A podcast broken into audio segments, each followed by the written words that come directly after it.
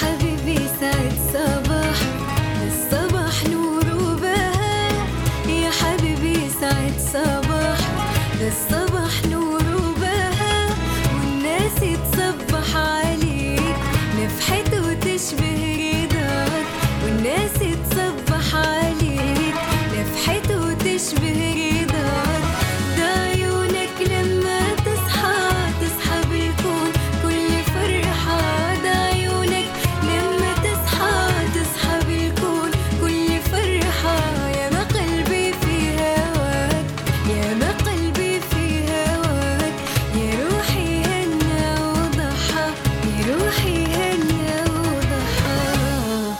صباح الخير يا, عدن.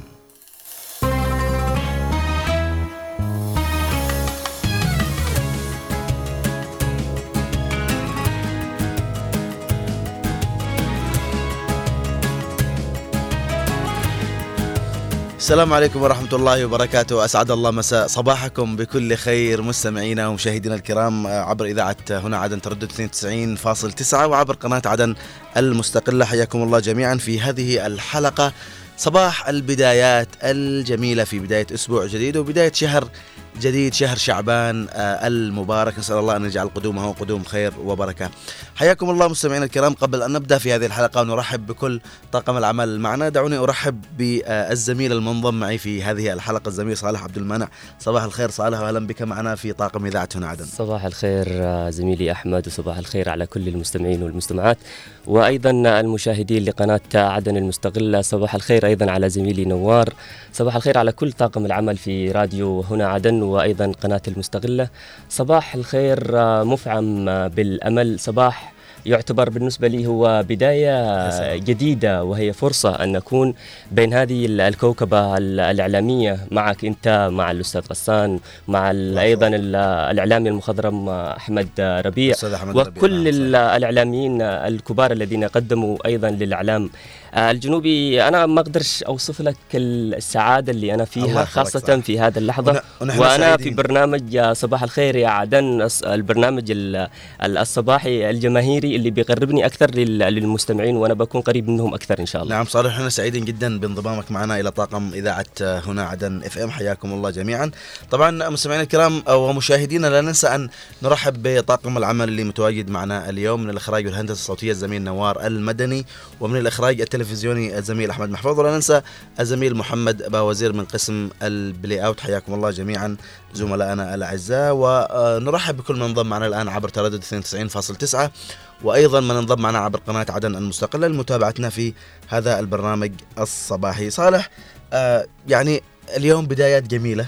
نعم. بداية أسبوع يوم الأحد. نعم. وبدايه شهر آه، شعبان. صح. اللي تقريبا باقي شهر آه، رمضان المبارك. يعني آه، 28 يوم تقريبا نعم. على وجه التحديد. إن شاء الله ربنا يجعل آه، قدوم خير وبركة. شهر شعبان دائما يجيب تفاؤل آه، جديد. تحضيرات جديدة تحضيرات شهر رمضان. رغم يعني ما نشيش نتكلم عن واقع سلبي لكن برغم اللي نعيشه لكن سبحان الله تبقى الفرحة آه، الاستعداد آه، فرحة الاستعداد بشهر رمضان فرحة كبيرة رغم آه، المعاناة رغم ال- الكهرباء رغم الخدمات رغم ال- الرواتب المنقطعة لكن فرحة رمضان لها نكهة خاصة. أكيد. ولك لها ذوق خاص. نعم. أكيد.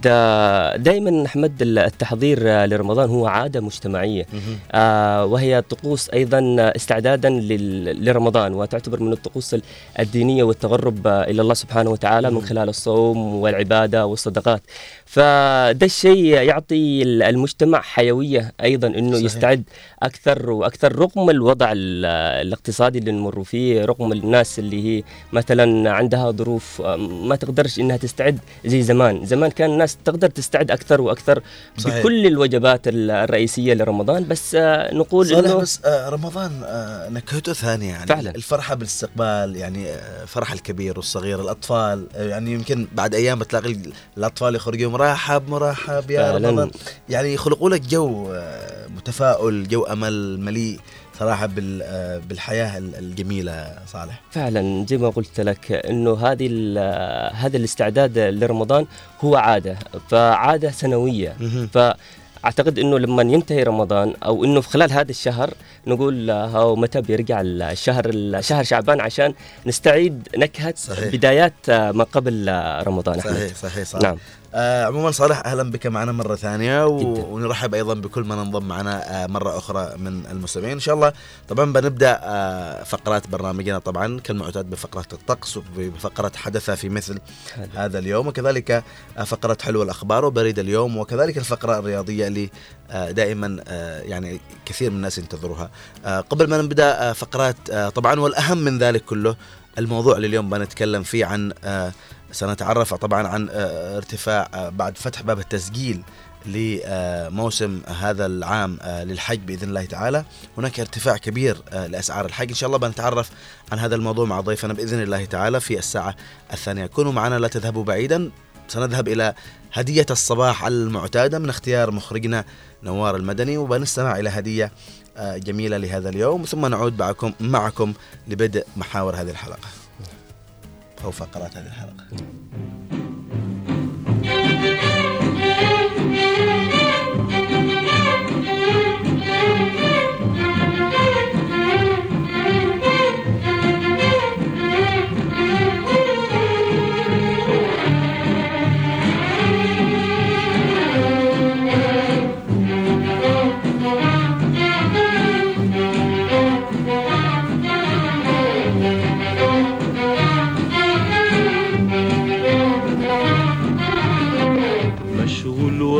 وحياتك مشغول والآخر الأسبوع مشغول. مشغول وحياتك مشغول والآخر الأسبوع مشغول. مشغول وحياتك وحياتك مشغول.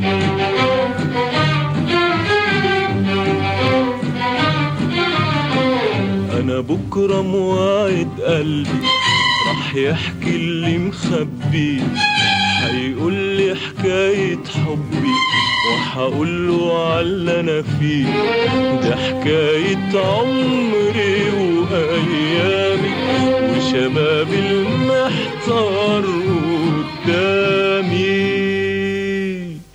مشغول مع قلبي مشغول مشغول وحياتك على طول.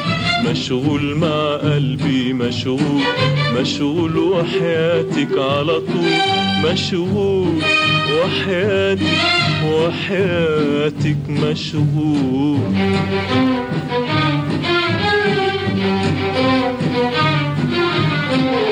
أنا عندي ميعاد مع صورة للصبح أسهر قدامها يا ما عشت ليالي كتيرة. فرحان بيها بكلمها وعنيها الحلوة تكلمني ولا مرة تفكر تخاصمني بالصورة الغالية أنا مشغول مشغول وحياتك على طول. بالصورة الغالية أنا مشغول مشغول وحياتك على طول. مشغول. وحياتك وحياتك مشغول.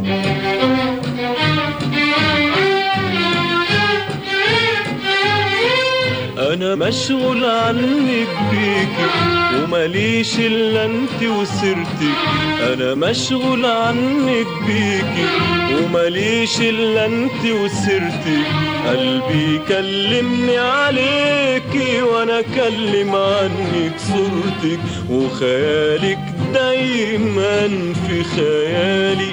يا غرامي ويا حبي الغالي. مشغول وحياتك مشغول. أنا مشغول بيكي على طول. مشغول وحياتك مشغول. أنا مشغول بيكي على طول. مشغول وحياتك وحياتك مشغول.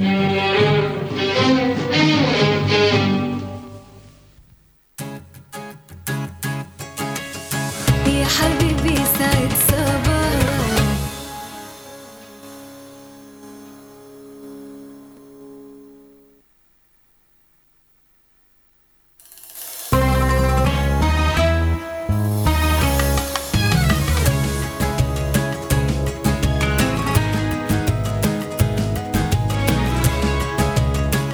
عدنا لكم مستمعينا الكرام مستمعي راديو هنا عدن من العاصمة الأبدية على تردد 92.9 آه، أحمد آه، بعد هذا الفاصل القصير آه، طبعا ننوه عن فقرات برنامجنا ونحن الآن بنبدأ الفقرات وهي فقرة الطقس وحدث في مثل هذا اليوم وحلو نعم. الأخبار وبريد اليوم والفقرة الرياضية وكمان عن موضوع حلقتنا عن أسباب ارتفاع الأسعار لهذا الموسم وهو موسم الحج آه الحج. نعم. وطبعا حوالي أسبوعين أنا كذا ملاحظ إنه الأجواء والطقس حلو في عدن. مهم. يعني الواحد آه، حرام إنه يفوت فرصة إنه ما يقومش الصباح. آه صحيح. الله يعطيك العافية صالح. طبعا كالمعتاد بنبدأ في فقرة آه الطقس آه لهذا اليوم في محافظات جنوبنا الحبيب ونتعرف على الأجواء اللي هناك. طبعا آه اليوم أكيد خرجت من الصباح الباكر نعم. صالح. نعم. شفت الأجواء في عدن كيف وال يعني الصراحه نتمنى إنها تستمر طول العام يعني. أكيد خاصة في الصيف. آه، صيف بارد. طيب خلينا ننتقل الآن مع المستمعين والمشاهدين إلى فقرة الطقس. الطقس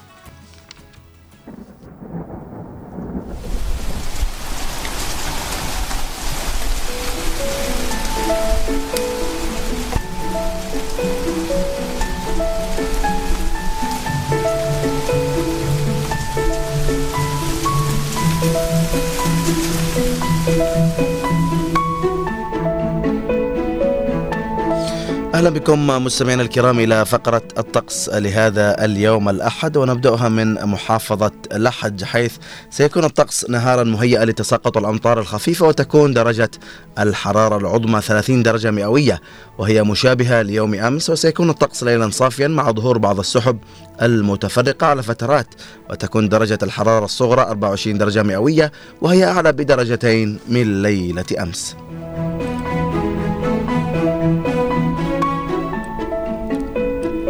ونروح الآن إلى محافظة أبين سيكون الطقس نهارا صافيا مع ظهور بعض السحب المتفرقة على فترات وتكون درجة الحرارة العظمى 29 درجة مئوية وهي مشابهة اليوم أمس أحمد وأيضا سيكون الطقس. ليلا صافيا مع ظهور بعض السحب المتفرقة على فترات وتكون درجة الحرارة الصغرى 25 درجة مئوية وهي أعلى بدرجتين مئوية نعم.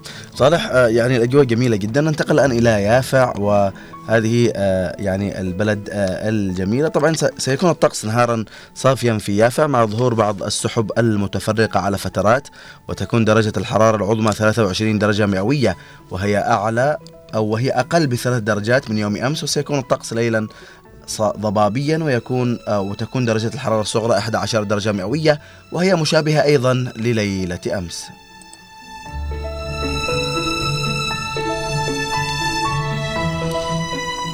وبنروح آه، شرقا إلى محافظة آه، المهرة. سيكون الطقس آه، نهارا غالبا صافيا وتكون درجة الحرارة العظمى 29 درجة مئوية وهي أقل بدرجتين مئوية وأيضا سيكون الطقس ليلا صافيا مع ظهور بعض السحب المتفرقة على فترات وتكون درجة الحرارة الصغرى 17 درجة مئوية.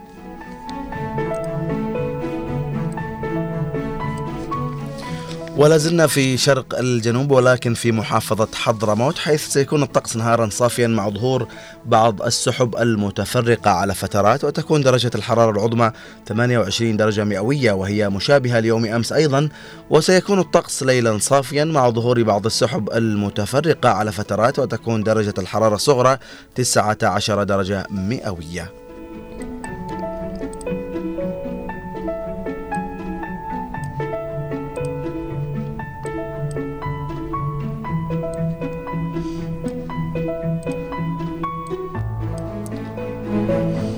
وفي شبوة سيكون الطقس نهارا صافيا مع ظهور بعض السحب المتفرقة على فترات وتكون درجة الحرارة العظمى 30 درجة مئوية وهي أقل أقل بأربع درجات مئوية. من يوم أمس وأيضا سيكون الطقس ليلا صافيا مع ظهور آه، بعض السحب المتفرقة على فترات وتكون درجة الحرارة الصغرى 17 درجة مئوية وهي مشابهة أيضا لليلة أمس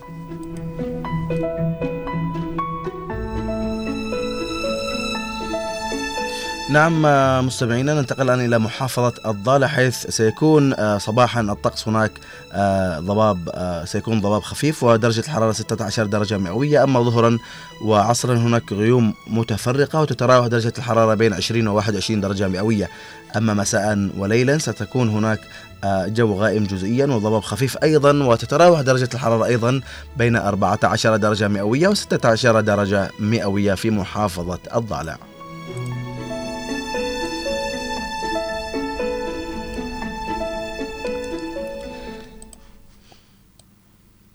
وفي جزيرة الجمال والطبيعة الخلابة سقطرى سيكون الطقس أحمد نهارا صافيا. مع ظهور بعض السحب المتفرقة على فترات وتكون درجة الحرارة العظمى 27 درجة مئوية. وكمان سيكون الطقس ليلا صافيا مع ظهور بعض السحب المتفرقة على فترات وتكون درجة الحرارة الصغرى 19 درجة مئوية.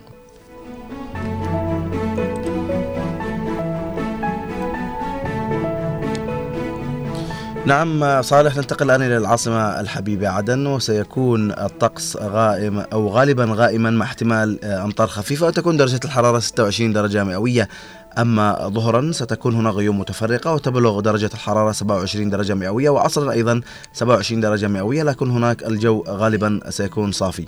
أما هناك آه، مساء آه، وليلا ستكون هنا غيوم متفرقة ودرجة الحرارة ستكون مساء وليلا هي 26 درجة مئوية. أما الرياح في العاصمة عدن ستكون آه، شرقية فجرا وتبلغ 26 كيلومتر في الساعة. صباحا شمالية شرقية وتكون 30 كيلومتر في الساعة. أما ظهرا ستكون شرقية أيضا وتكون ث- 27 آه، ستكون بسرعة آه، 27 كيلومتر في الساعة. أما عصرا ستكون أيضا شرقية آه، بسرعة آه، 24 كيلومتر في الساعة. ومساء ستكون أيضا شرقية وليلا أيضا شرقية. وتتفاوت بين 22 و 23 كيلومتر في الساعة. أحمد بعد ما تجولنا في أحوال الطقس في محافظاتنا الجنوبية ومناطقنا الجنوبية أعتقد أنه من خلال ما تصفحنا لدرجات الحرارة وليلا كيف سيكون الطقس ونهارا كيف سيكون أعتقد أنها تمر هذه الفترة بأجواء حلوة يعني أجواء إيجابية مريحة. أكيد بالراحة يعني آه، آه، يمكن بعد سنتين تقريبا بالذات يعني سنتين بنكون نشهد شهر رمضان المبارك في أجواء باردة وأجواء جميلة يعني. يعني حتى لو انطفت حتى الكهرباء لو بمسح انطفت الكهرباء. وعلى عينكم نقول لهم. طيب آه، صالح آه، يعني آه، تعرفنا على أخبار الطقس في محافظات جنوبنا الحبيب وإن شاء الله يعني الأماكن اللي فيها بروده عالية. نتمنى منهم يعني الانتباه لأنفسهم. طبعا منتشرة أمراض الانفلونزا والأمراض البرد. ننتقل الان لفقرة جديدة صالح وهي فقرة حدث في مثل, مثل هذا اليوم.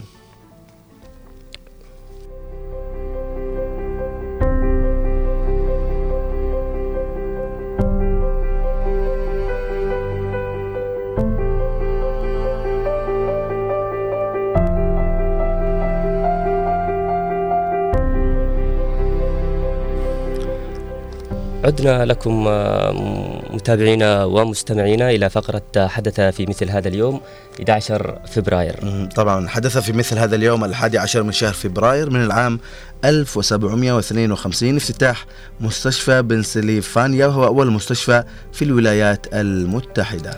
كمان حدث في مثل هذا اليوم في آه، عام 1873 الإعلان على الجمهورية الإسبانية الأولى والتي استمرت حتى نهاية 1874 أحمد.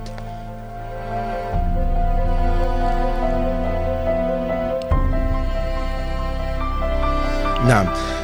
حدث في مثل هذا اليوم الحادي عشر من شهر فبراير من العام 1889 إعلان دستور ميجي في اليابان. وكمان حدث في مثل هذا اليوم في 11 فبراير عام 1902 الشرطة البلجيكية تهاجم مظاهرة في بروكسل للمطالبة بحق التصويت للنساء والأقليات.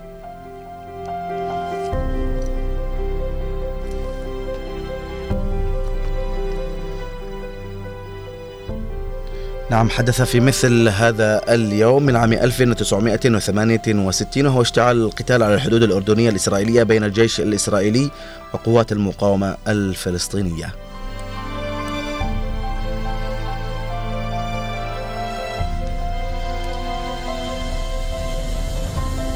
وكمان في حدث في مثل هذا اليوم في عام 1990 الإفراج عن زعيم المؤتمر الوطني الأفريقي نيلسون مانديلا بعد سجن استمر 27 عاما من قبل سلطة جنوب أفريقيا العنصرية.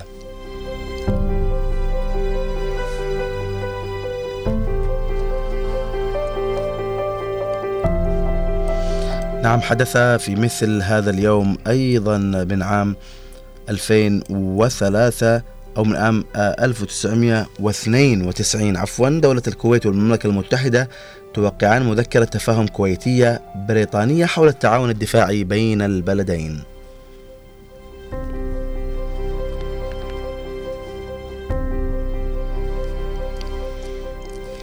وفي مثل هذا اليوم في عام 2011 نائب الرئيس المصري عمر سليمان يعلن عن تخلي الرئيس محمد حسني مبارك عن منصبه وتكليفه للمجلس الأعلى للقوات المسلحة بإدارة شؤون البلاد وذلك بعد 11 يوما من اندلاع ثورة 25 يناير.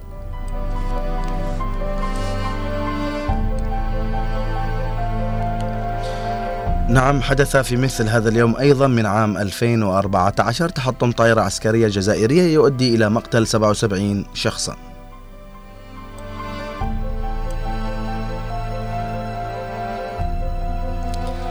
وحدث في مثل هذا اليوم رياضيا 2021 بايرن ميونخ الألماني يتوج ببطولة كأس العالم للأندية للمرة الثانية عق- عقب فوزه على فريق تيغريس أونال المكسيكي بنتيجة 1-0 في النهائي.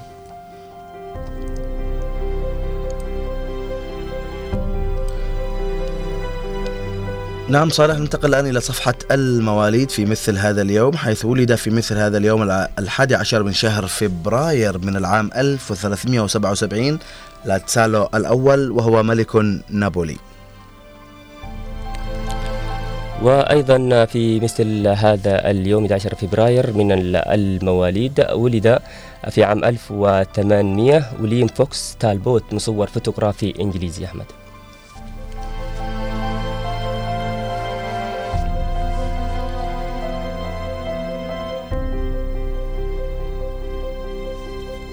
أيضا ولد في مثل هذا اليوم من عام 1466 إليزابيث يورك وهي زوجة هنري السابع ملك إنجلترا.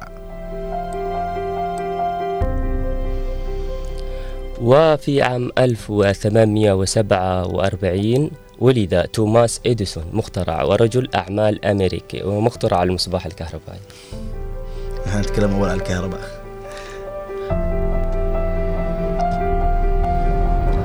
أيضا في مثل هذا اليوم من عام 1920 ولد الملك فاروق وهو ملك مصر.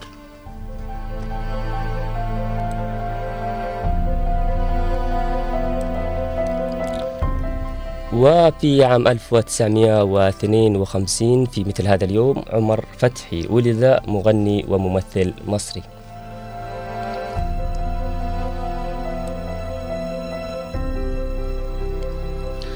أيضا في مثل هذا اليوم من عام 1986 آه، ولد كيز لوكس وهو لاعب كرة قدم هولندي.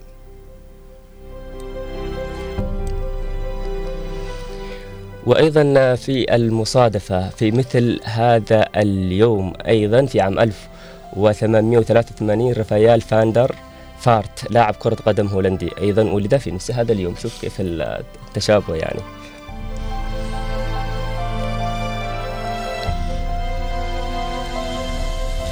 صالح ننتقل الآن إلى صفحة الوفيات في مثل هذا اليوم حيث توفي في مثل هذا اليوم من عام 2000 أو 244 جورديان الثالث هو إمبراطور الإمبراطورية الرومانية. وفي الوفيات في عام 1626 بيترو كاتالدي عالم رياضيات إيطالي.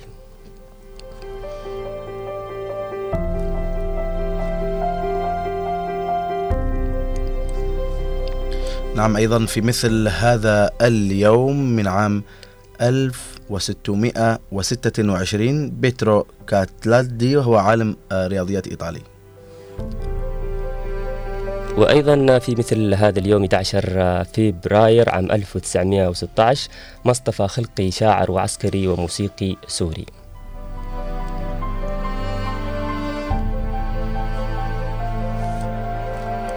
نعم أيضا في مثل هذا اليوم توفي طبعا آه، سيرجي إيزنشتاين وهو مخرج روسي في عام 1948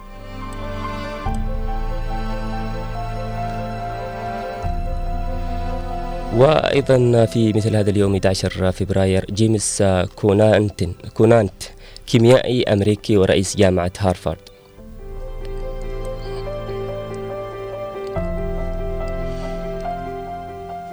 أيضا في مثل هذا اليوم من عام 2009 توفي أحمد عوض وهو ممثل كويتي.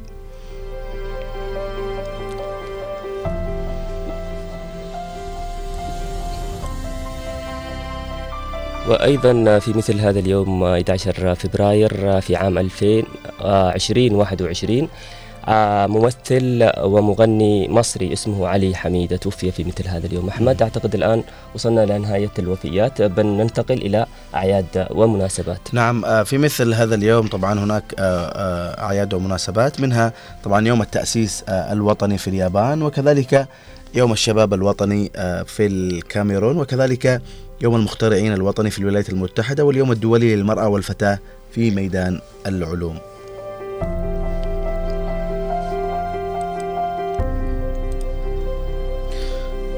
طبعا صالح كانت هذه أبرز آه، يعني ال- آه، يعني الأحداث اللي حصلت في مثل هذا اليوم سواء مناسبات أو مواليد أو وفيات. إن شاء الله نكون استفدنا جميعا من يعني هذه البعض يعني يقول لك يعني تاريخ قديم لكن سبحان الله هي معلومات عامة وتستفيد منها كثير في آه، حياتك طبعا. فعلا أحمد بالنسبة لل- لهذه التواريخ هي فعلا هي تاريخ آه، لكثير شخصيات آه، تاريخية عظماء ومخترعين وسياسيين ومغنيين في في شتى المجالات. بس أحمد أنا هذه الفقرة صراحة تلفت نظري تعرف ليش؟ لأنه آه، الساعة تمام والدقيقة والتاريخ والشهر والسنة هي تاريخ في حياة الإنسان. فهي حاجة حاجة رمزية تعتبر لل- للإنسان بشكل كبير. طبعا آه، ارسل لي رسالة يا نوار ويقول إنه في مثل هذا اليوم 11 فبراير 2011 قامت ثورة الشباب والنكبة برعاية توكل كرمان. نسأل الله الحفظ آه، لبلادنا إن شاء الله. طيب آه، ننتقل الآن صالح مع المستمعين والمشاهدين إلى فقرة حل والأخبار وأبرز الأخبار في المواقع الإلكترونية لهذا اليوم.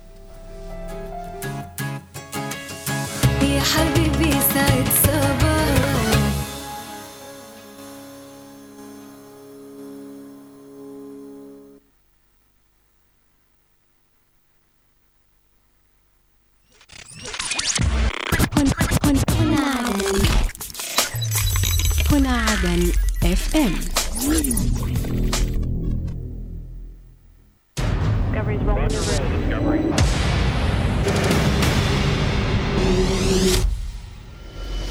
نقرأ ما تتناوله الصحافة والمواقع الإخبارية المحلية والعربية من أخبار ومقالات سياسية واجتماعية وثقافية ورياضية.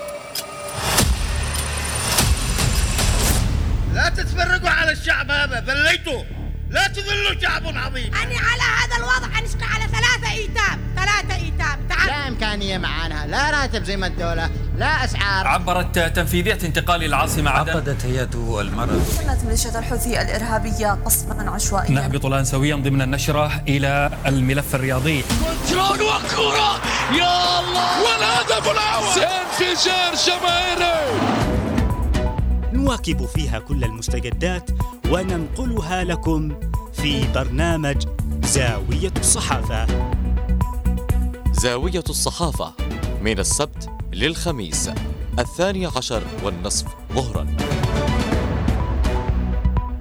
جولة إخبارية على هنا عدن اف ام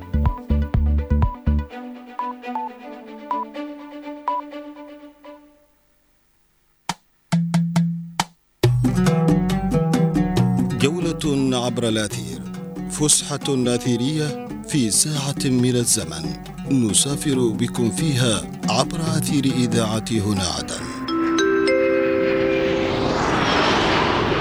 جولة عبر الأثير.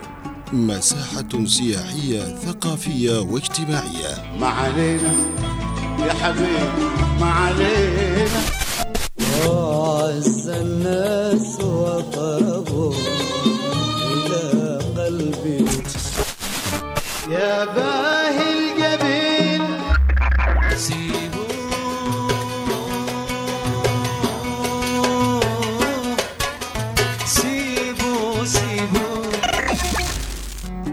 تتعرفون من خلالها على المدن والقرى في محافظاتنا الجنوبية من المهرة إلى باب المندب.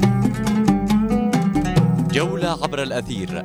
يأتيكم من السبت حتى الأربعاء في تمام الساعة الواحدة ظهرا.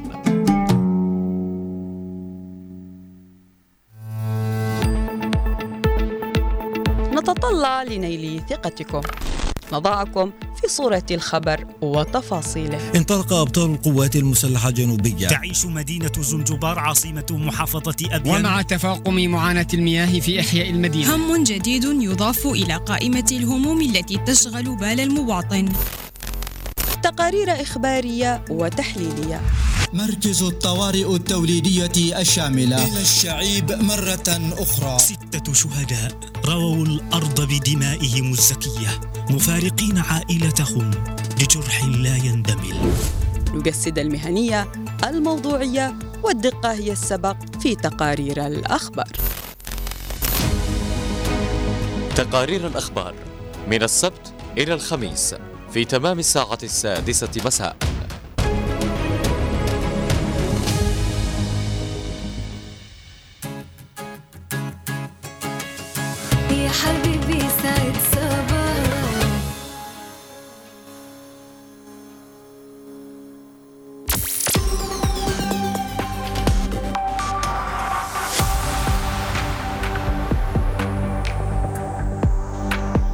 أهلا بكم مستمعينا من جديد ونواصل فقراتنا لبرنامجنا الصباحي صباح الخير يا عدن. طبعا وبعد أن تعرفنا عن أخبار الطقس وحدث في مثل هذا اليوم طبعا نذكر بموضوع حلقتنا لهذا اليوم اللي بيكون عن بعد ارتفاع أو بعد فتح باب التسجيل لموسم حج هذا العام 1445 طبعا هناك ارتفاع بشكل كبير لأسعار الحج. إن شاء الله بيكون معنا ضيف وبنستقبل اتصالاتكم طبعا طبعا عبر أرقام الهاتف 20 11 15 20 17 17 كذلك عبر الواتساب وصفحات الفيسبوك وإن شاء الله آه، يعني آه، نستفيد ونفيد أكثر في هذا الموضوع.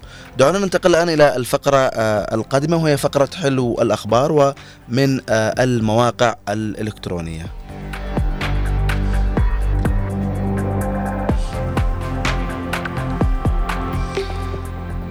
ونبدأ حلو الأخبار من الموقع الرسمي للمجلس الانتقالي الجنوبي وفيه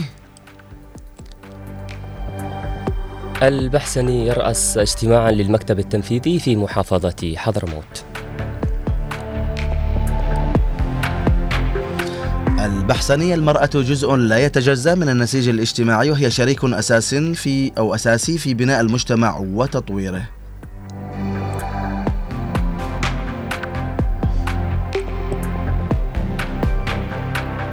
ننتقل الآن إلى موقع 4 مايو وفيه البحسني بدماء شهداء الجنوب نستمد قوتنا ونعيش حياة الأمان والاستقرار.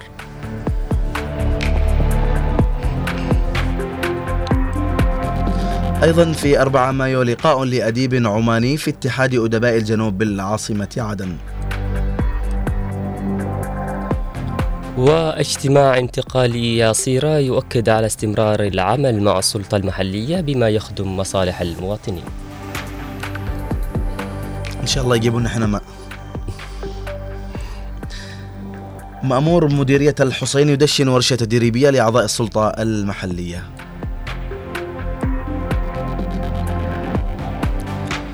وأيضا في هذا الخبر يوم الشهيد الجنوبي تكريم التضحيات وتمهيد طريق الاستقلال.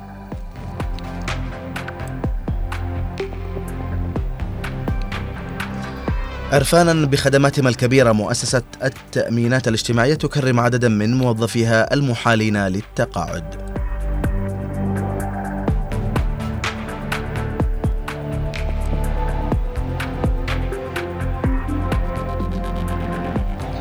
وفي هذا الخبر أيضا بن عفرار شهداء الجنوب رمزا للتضحية والفداء.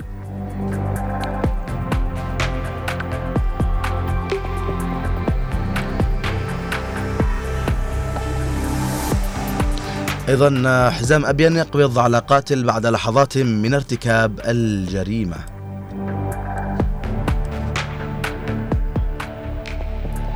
والرئيس الزبيدي يعزي في وفاة الدكتور حسين أحمد الحداد.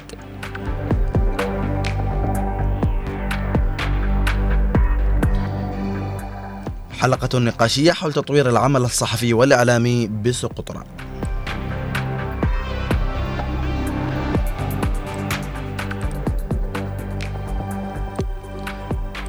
الآن صالح إلى عدن تايم وفيه بعد عقود من الصراع تسليم قطاع الأراضي لأعضاء جمعية المغتربين السكنية في عدن.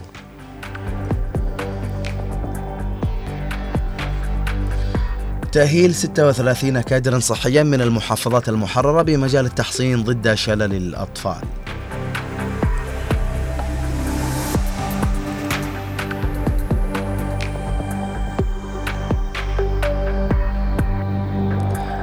أيضا قيادي في الانتقالي ينال الماجستير بامتياز من جامعة عدن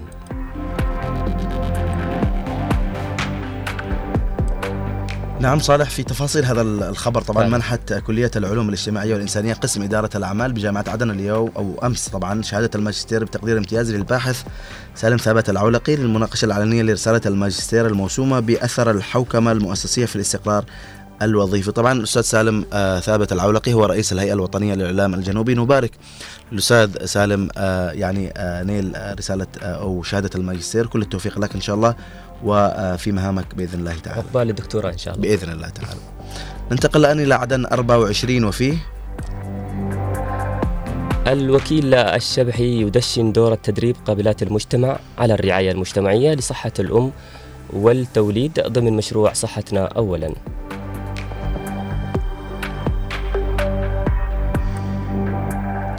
الزهري يوجه مكتب الصناعة والتجارة بخور مكسر بضبط المخابز المخالفة لتسعيرة الروتي.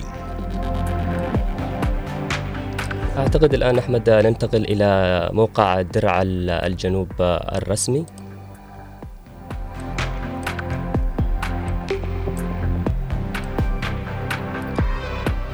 وفي الخبر قوات الحزام الأمني تلقي القبض على متهم بجريمة قتل بأبين. النقيب سنظل استمرارا لمآثر شهدائنا الأماجد وتجدد لدمائهم الزكية. والرئيس الزبيدي شهداؤنا أنبل وأعظم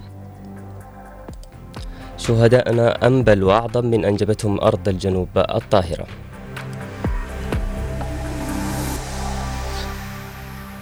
نعم صالح بهذا الخبر طبعا آه، ننهي فقرة حلوة الأخبار لهذا اليوم من المواقع الإلكترونية. إن شاء الله آه، في أخبار آه، صراحة منها أخبار إيجابية جميلة وإن شاء الله يعني تؤتي أكلها طبعا. واليوم طبعا يصادف يوم الشهيد الجنوبي أيضا. نترحم على شهدائنا الأبرار جميعا. من أبناء الجنوب سواء مدنيين أو عسكريين من أبطال القوات المسلحة الجنوبية. ربنا يرحم الجميع. صالح بنواصل فقرتنا لهذا اليوم. بننتقل إن شاء الله باقي إلى إلى باقي الفقرات. وأيضا نذكر بموضوع حلقتنا لهذا اليوم اللي هو موضوع مهم جدا. بعد طبعا فتح باب التسجيل لموسم الحج. طبعا وزارة الأوقاف فتحت باب التسجيل لحج هذا العام. إن شاء الله صحيح. ربنا يبلغنا جميعا حج بيت الله الحرام وزيارة المصطفى عليه الصلاة والسلام لكن يعني الأسعار كانت مبالغ فيها بشكل كبير ربما يعني وصلت إلى أسعار ما نسيش نفتح الموضوع الآن بس نحن نذكر أنه بيكون بإذن الله تعالى معنا ضيف وبنتعرف أكثر حول هذا الموضوع وبنستقبل أيضا اتصالات المستمعين وكذلك رسائلهم عبر الواتساب أو عبر صفحة الفيسبوك. خلينا صالح والمستمعين نروح إلى فاصل ثم نعود ونواصل.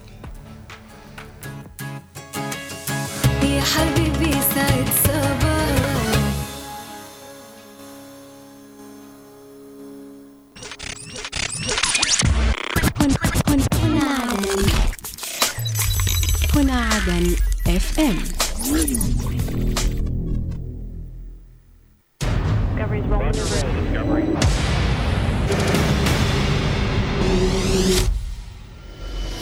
نقرأ ما تتناوله الصحافة والمواقع الإخبارية المحلية والعربية من أخبار ومقالات سياسية واجتماعية وثقافية ورياضية.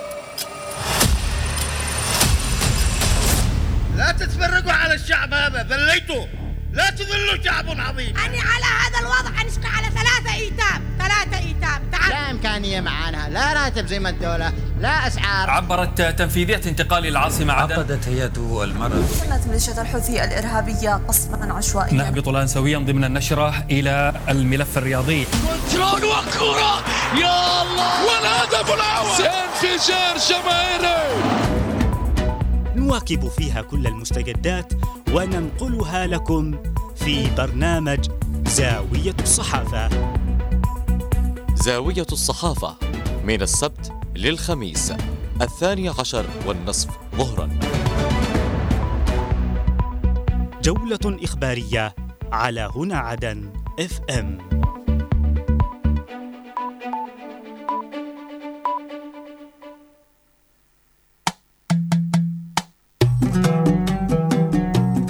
جولة عبر الأثير فسحة أثيرية في ساعة من الزمن. نسافر بكم فيها عبر أثير إذاعة هنا عدن. جولة عبر الأثير مساحة سياحية ثقافية واجتماعية. ما علينا يا حبيبي ما علينا وعز الناس وقربوا يا باهي الجبين سيبوا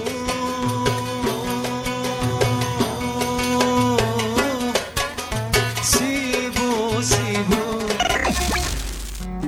تتعرفون من خلالها على المدن والقرى في محافظاتنا الجنوبية من المهرة إلى باب المندب. جولة عبر الأثير يأتيكم من السبت حتى الأربعاء. في تمام الساعة الواحدة ظهرا.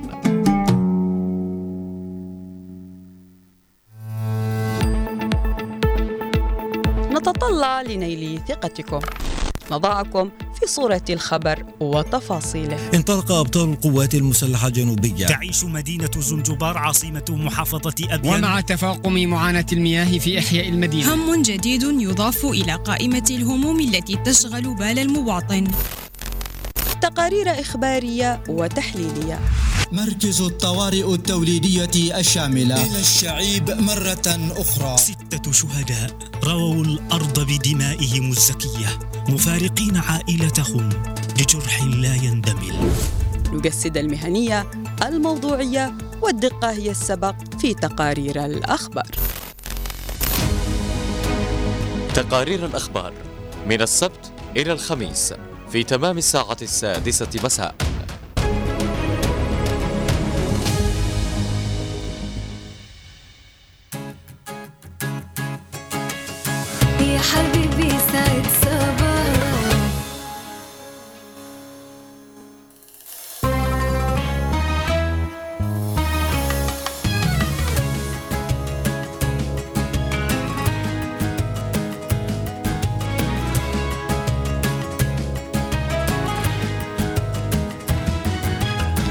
عدنا لكم مجددا مستمعينا الكرام بعد هذا الفاصل القصير ونواصل طبعا فقراتنا آه، لبرنامجنا الصباحي صباح الخير. يا عدن وبعد أن تعرفنا عن أخبار الطقس لهذا اليوم وحدث في مثل هذا اليوم وأيضا آه، حلو الاخبار من آه، أخبار المواقع الإلكترونية. صالح مرة أخرى ومجددا أهلا بك معنا في هذه الحلقة. والله. صراحة طبعا إحنا بنروح لفقرة رياضية. ربما أخبار رياضة في مؤخرا هناك سواء محليا أو يعني هناك عدد من الدواري. يعني م. اللي يعني بنخوض أكثر مع ال- الكابتن طبعا خالد هيثم في هذا آه، الموضوع. ربما يوم أمس يعني تغلبت قطر على آه، الأردن. تابعت المباراة؟ أكيد. مم. آه أنا دائما أعتقد إنه في خلال البرنامج هذا بستمتع جدا بفقرة آه الفقرة الرياضية مع الكابتن خالد. آه أنا تابعت ال- المباراة. فازت آه، قطر آه بثلاث أهداف آه لهدف. طبعا كل الثلاث الأهداف التي اتت من منتخب قطر هي من ضربات جزاء. آه كل ما يكون هناك خطأ يذهب ال- ال- الحكم إلى الفار ويأتي بضربة آه، جزاء لمنتخب قطر. آه، منتخب الأردن فقط سجل هدف آه، وحيد. آه، كان الهدف آه، يدرس يعني نعم. صراحة. نعم صراحة طبعا إحنا بنتكلم حول هذا الموضوع مع الكابتن أكيد يعني بس نحن أعطينا مقدمة للموضوع وإنه قطر تغلبت على الأردن. طيب آه نرحب بالكابتن خالد. صباح الخير كابتن. صباح الخير أحمد آه، نوار المدني وأيضا آه، أحمد محفوظ والوافد الجديد الجميل صالح. يعطيك العافية كابتن الله يحفظك. اذا كابتن خلينا نبدأ آه الفقرة الرياضية.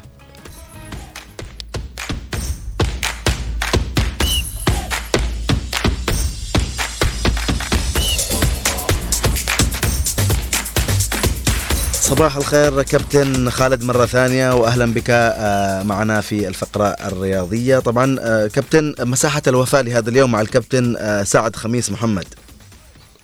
نعم أحمد آه، نقدم لك الصباح أكيد آه، أنتم من استمع الفقرة الرياضية في صباح الخير يا عدن. آه، سعد خميس اسم تجمل هكذا وجمل موعده مع كرة القدم ومع الألعاب الأخرى أيضا كمدرب في كرة السلة. أيضا هو حكم دولي في كرة السلة محاضر آسيوي حكم كرة قدم من أروع الحكام الذين قدمتهم الرياضة الجنوبية مدرب في الكرة الخماسية مشرف عام عليها إذا نتحدث عن ذكرى رحيل طبعا اسم جميل تعدد في الحضور الرياضي يوم 11 فبراير 2018 رحل هذا الجميل سعد خميس إلى جوار ربه. وبالتالي نحن يعني نحتفظ لهذا الإنسان بكثير من الأشياء التي فيها كان متعدد المواهب شخصية تجد أين تكون يهوى العطاء الرياضي في مواعيد متعدده ومواليد 1955 وبالتالي هو آه، حوار جميل آه، يعني تحتفظ به ذاكرة كرة القدم ذاكرة الرياضة الجنوبية أمتد في عطائه لسنوات طويلة وبالتالي مهما تكلمت عن سعد خميس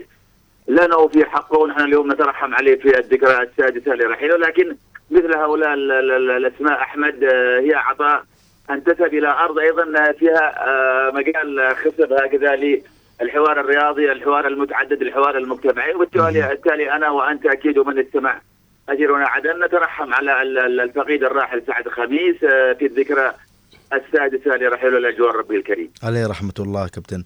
طبعا كابتن آه يعني آه شمسان يكسب الناصر هدفين لهدف في ختام الجولة 17 طبعا الجولة شهدت فوز الوحدة على الجزيرة في هذه المنافسات. أكيد امس اختتمت الجولة السابعه عشر هي الجولة قبل الأخيرة من دوري عدن الممتاز الذي قدم مشهد جميل على مر الشهور الماضية. 17 جولة قدمها هذا ال- الدوري الجميل. بمعنى 17 أسبوع آه، أحمد في كل أسبوع كنا نشاهد خمس جولة خمس مباريات. انتهى المشهد. كان وحدة عدن قد توج طبعا في الجولة قبل الماضيه عندما فاز على التلال وابتعد بالصداره وبالتالي كان حديث الجولة طبعا السابع عشر هو الوصافة، الوصافة أيضا حسمها التلال عندما فاز أيضا على الروضة أمس الأول بهدفين لهدف على ملعب الحبيجي، لكن أمس شمسان أختتم الجولة وفاز على النصر بهدفين لهدف، كان متأخر حتى وقت متأخر من المباراة لكنه عاد واستفاق وسجل هدفين وبالتالي شمسان أيضا يحافظ على المركز الرابع وربما هناك لا شيء آخر لكن في الأخير انتهت الجولة التي كانت شهدت فوز القلع على المينا بهدفين آه، لهدف أيضا خسارة الشعله أمام المنصورة بهدف وبالتالي اقتربنا من الختام آه، كل لكل مجتهد نصيب الوحدة حافظه على اللقب للمره الثانية على التوالي وبالتالي معطيات المنافسة دائما ترتبط بمواعيد كرة القدم وما تقدمه من إفرازات. إحنا نبارك لكل ال- الأشياء الجميلة التي قدمت. آه، ما زال لدينا جولة سنتابعها في الأسبوع ال- القادم. نتحدث بالأخير عن مشهد مكتمل لدوري عدن الممتاز نعم. آه كابتن آه خالد بكون معك الآن. أنا آه بما أنه نادي وحدة آه، عدن حافظ على لقبه للمرة الثانية بنروح آسيويا ومنتخب آه قطر. كمان آه يحقق آه لقب آه، دوري أبطال أو أو أقصد البطولة الآسيوية للمرة آه الثانية على أرضه في استاد آه، لوسيل. طبعا الاستاذ لوسيل امس شهد ردود أفعال كثيرة باعتبار أنه صالح المباراة حسمت آه، بثلاث ركلات احتسبت لقطر. نعم. آه، لم نشاهد نهاية هذه ال- ال- التفاصيل لكن في الأخير أنا بعيدا عن الحكام وما شابه في الأخير أنه قطر حسبت ال- ال- الموضوع فازت بثلاث أهداف آه، لهدف على منتخب النشامه المنتخب الأردني. تقدم المنتخب الأرض ال- ال- القطري بالشوط الأول ثم عاد للأردنيين بهدف آه، جميل. لكن في الأخير كرة القدم معطيات سواء بالصافرة بدون الصافرة وهناك ردود أفعال في ركلات الجزاء التي احتسبت لصالح المنتخب. القطري دي مثل ما قلت أنت حافظ على اللقب بعد ان فاز عام 2019 اليوم هذا يفوز تقريبا بمجموعة أيضا من اللاعبين الذين كانوا توجوا باللقب قبل أربع سنوات وبالتالي حديث كرة القدم ما يرتبط بتفاصيل لكن في المشهد العام أنه قطر توجت أمس بالنسخة الثانية على التوالي. الأردن حاولت أن دفعت حقيقة امتلكت كرة القدم في بعض المنعطفات لكن كرة القدم أحيانا تحتاج إلى شخصية المنتخب. صحيح. الذي تعود منتخب امس الأردن كان تحت الضغط بمعنى أنه لم يكن أحد يحلم أنه آه، الأردن تلعب في النهائي وبالتالي ازدادت طموحات المنتخب الأردني ربما بالفوز والتتويج لكن كرة القدم قالت كلمتها والحكم الصيني أيضا قال كلمته لكن أنا كمحب للرياضة ومتابع ربما هناك ركلة جزاء غير سليمة لكن بالمعطيات انه ركلتي جزاء كانت صريحتين للمنتخب نعم. القطري حسم المشهد بمشهد جميل أيضا هناك في قطر انتهت البطولة. نحن سعداء أن هناك منتخبين عربيين كانا في المشهد الختامي. توجت قطر وخسرت الاردن لكن بالأخير توجت الكرة العربية باعتبارنا كانت هي المشهد الأخير باللونين العنابي والأبيض. نبارك لقطر نبارك أيضا للأردن هذا الحضور الجميل في هذه البطولة. الوصول للنهائي لأول مرة في تاريخها. معطيات كرة القدم فيها أشياء أكيد ترتبط بالصافرة بالمباراة بالملعب بالمنافسة كلها هي بالأخير توجت منتخب قطر آه، بطلا لكأس آسيا للمرة الثانية على التوالي. أكيد المنتخب ال... عفوا المنتخب الأردني أعتقد أنهم آه، كسبوا هذا ال- المنتخب آه، القوي إن شاء الله بالاستحقاقات ال- الآتية أنهم يتأهلوا إلى كأس العالم 2026 كابتن خالد. رأيك بهدف يزن النعيمات أنت كرياضي ومتابع؟ طبعا الهدف هدف يزن هو هدف جميل لأنه روض الكرة بالقدم اليمنى ثم سدد بالهدف اليسرى لكن في الأخير مثل ما قلت لك كل شيء في منتخب ال- الأردني كان جميل. الهدف والحضور والتأهل والجماهير وال والاصرار لكن مثل ما قلت لك أحيانا كرة القدم تحسن من جزئيات بسيطة جدا. المنتخب القطري أمس بالشخصية أستطاع أن يأتي بركلات الترجيح أو بركلات الجزاء وبالتالي يفوز أكيد لكن في الأخير الهدف الأردني امس جميل جدا مثل ما قلت لأنه في تقنية عالية استلم الكرة من خلف المدافع وروضها بالاتجاه الآخر وسددها بالقلم بالقدم اليسرى كقنبلة هكذا في المرمى نعم. لكن بالاخير آه الأردنيين تركوا انطباع جميل. يزن النعيمات من نجوم البطولة. صحيح. اداؤه رائع اداؤه قوي. آه المنتخب ال- الأردني أمتلك الشخصية لكن المواعيد الكبرى. صالح تحتاج أيضا إلى شيء مختلف عن المباريات السابقة. أعتقد أنه النهائي أمس تدخلت فيه شخصية المنتخب القطري الذي. ربما أعتاد على هذه المواعيد الكبرى. كنا شاهدنا في كأس العالم كمستضيف وبالتالي إحنا نقول هارد لك الأردن. سعداء بكل ما قدمته الأردن كمشهد جميل ارتبط بكرة القدم عندما يأتي من بوابة الطموح لأنه الأردن كانت خسرت قبل البطولة بست أهداف أمام اليابان. اليوم الأردن كانت في النهائي واليابان غادرت المشهد. نهاية كرة القدم. أحيانا معطيات جميلة علينا أن نتابعها أيضا. نحن بعجاب بحب لكرة القدم عندما تنتمي إلى ألوان الفرق أو حتى ألوان المنتخبات الوطنية. ومثل ما قلت لك أنا سعداء انه المشهد الأخير كان عربي طبعا من بوابة قطر والأردن. نعم. كابتن لو تحدثنا عن آه، الدوري الألماني وأبرز آه، المباريات اللي كانت فيه والنتائج. نعم نتحدث عن مباراة وحيدة كانت تهم الجمهور. هي مباراة المتصدر آه، ليفركوزن والملاحق الكبير طبعا بايرن ميونخ. أمس ليفركوزن هكذا قزم الفريق البافاري بثلاثة أهداف نظيفة. على ملعب طبعا باي أرينا وثلاثية ليفركوزن. كانت من نصيب آه، جوزيف آه، ستانيسيتش وأيضا أليخاندرو آه، طبعا جريمالدو وأيضا جيرمي فريمبونج وبالتالي ليفركوزن يرفع الرصيد إلى 55 نقطة في الصدارة. أبتعد بفارق خمس نقاط عن البافاري. معطيات البوندس- البوندسليغا تتحدث عن فريق هكذا يظهر بقوة. هو طبعا فريق ليفركوزن يدربه طبعا تشافي ألونسو وبالتالي نتحدث عن بوندسليغا جميلة منافسة أيضا. سنتابعها نحن في الجولات المتبقية. طبعا ما زال لدينا كثير. نحن في الجولة ال 21 وبالتالي أكيد حوار البوندسليغا يشتد يرتفع النسق. أكيد هناك فرق ستخسر هناك فرق ستفوز. لكن في الأخير المعطيات من يمتلك النفس الطويل للذهاب إلى البوندسليغا المعطيات أنا وأنت دائما وصالح باذن الله تعالى لنا فيها حوار معتاد في كل صباح. من بوابة آه، صوت اثيرون عدن آه كابتن خالد بالنسبة إلى إنتر ميلان قلب الطاولة على مضيفه روما. أعتقد أنه هل ترى أنه روما ذاهب إلى تحقيق الدوري الإيطالي هذا الموسم؟ لا روما بعيد صالح لكن إنتر ميلان هو الذاهب إلى إلى تحقيق آه، إنتر ميلان. لأن إنتر ميلان. هو الذي يتصدر ب 60 نقطة بفارق سبع نقاط عن نعم. يوفنتوس يوفنتوس اليوم يلعب لكن في الأخير روما كان حقق ثلاث انتصارات مع مدربه الجديد دي روسي لكن في الأخير حاليا ال- الفريق الأكثر جاهزية الفريق الأكثر شخصية الفريق الأكثر حضور هو طبعا فريق المدرب إنزاجي آه فريق إنتر ميلان آه فريق حاضر بقوة وبالتالي يمتلك آه، شخصية الفوز آه، أمس فاز في في العاصمة روما طبعا في الأولمبيكو وبالتالي حقق ثلاث نقاط آه، جديدة رفع بها الرصيد إلى 60 نقطة. آه، إنتر ميلان هو الأقرب لكن كرة القدم تظل لها خبايا ومفاجآت نحن سننتظرها أكيد صالح. في نعم. قادم الأيام روما طبعا صالح هو ب 38 نقطة في المركز ال- الخامس بعيد يعني بفارق 22 نقطة عن المتصدر معطيات كرة القدم تحتاج إلى أشياء آه، تمتلكها بعض الفرق وتغيب عن فرق أخرى نحن لن نسبق ال- الأحداث لكن سنتابع النتائج في المباريات والمعطيات القادمة وبدل يتعالى دائما في كل صباح لنا حديث في معطيات كرة القدم العربية والأوروبية آه، بالنسبة إلى جيرونا الذي أظهر في هذا ال- الموسم كابتن خالد أداء رائع وجيد جدا آه، لكن ريال مدريد حقق الانتصار على جيرونا ب 4-0 آه، صالح الفوارق ما بين ريال مدريد وجيرونا فوارق لا تعد ولا تحصى ولا صحيح. حتى تكتب على الورق لأنه نعم. هنا فريق كبير شخصية كبيرة طبعا الميرينجي أمس آه، في ملعبه طبعا سانتياغو برنابيو آه، كشف هكذا باعتبار إنه فريق عندما أصبح الريال مدريد عندما يخفق شاهدناه يخفق في كأس آه، الملك لكن يعود وينتصر حتى عندما تعادل في الأسبوع الماضي أمام آه، أتلتيكو مدريد أيضا بهدف لهدف في الأوقات المتأخرة كان خسر المباراة. لكن في الأخير شخصية الفريق يمتلكها طبعا آه، ريال مدريد. جيرونا حاول أمس لكنه وقعت صعوبة لأنه كان ريال مدريد بكل اللاعبين في الموعد رغم الغيابات لكن الخط الهجومي لريال مدريد كان قوي ينقل الكرة بانسيابية بشخصية نجومية تميزت نعم. طبعا في بيلينغهام وفينيسيوس وبالتالي اثر رودريغو وبالتالي انتهت المباراة مثل ما قلت أنت صالح بأربعة لكن في الأخير آه، جيرونا يحترم آه، جيرونا فريق آه، يقاوم ما زال أيضا في في الأمور التي التي يعني يجد فيها نفسه. كرة القدم والليغا لن تنتهي بعد. فارق النقاط ليس كثير هناك. 61 نقطة ريال مدريد. 56 خمس نقاط وبالتالي آه، سنواصل الحديث عن الليغا لكن انتصار مستحق طبعا آه، طبعا آه، ريال مدريد. ريال مدريد هو الفريق الوحيد الذي فاز على جيرونا ذهابا وايابا وبالتالي نحن أمام معطيات مع ال- اللجنه نعم، نعم. أكيد سنتابعها في الجولات القادمة. كابتن خالد بالنسبة إلى الدوري ال- الإنجليزي استعاد ليفربول صدارة الدوري الإنجليزي؟ أكيد طبعا عندما نتحدث عن الدوري الإنجليزي علينا أن نتحدث عن مان سيتي، مان سيتي منظومة مان سيتي لاعبين يحسمون المباريات أمس لم يكن مان سيتي هو المسيطر على الملعب. ومع ذلك حقق فوز بهدفين على إيفرتون.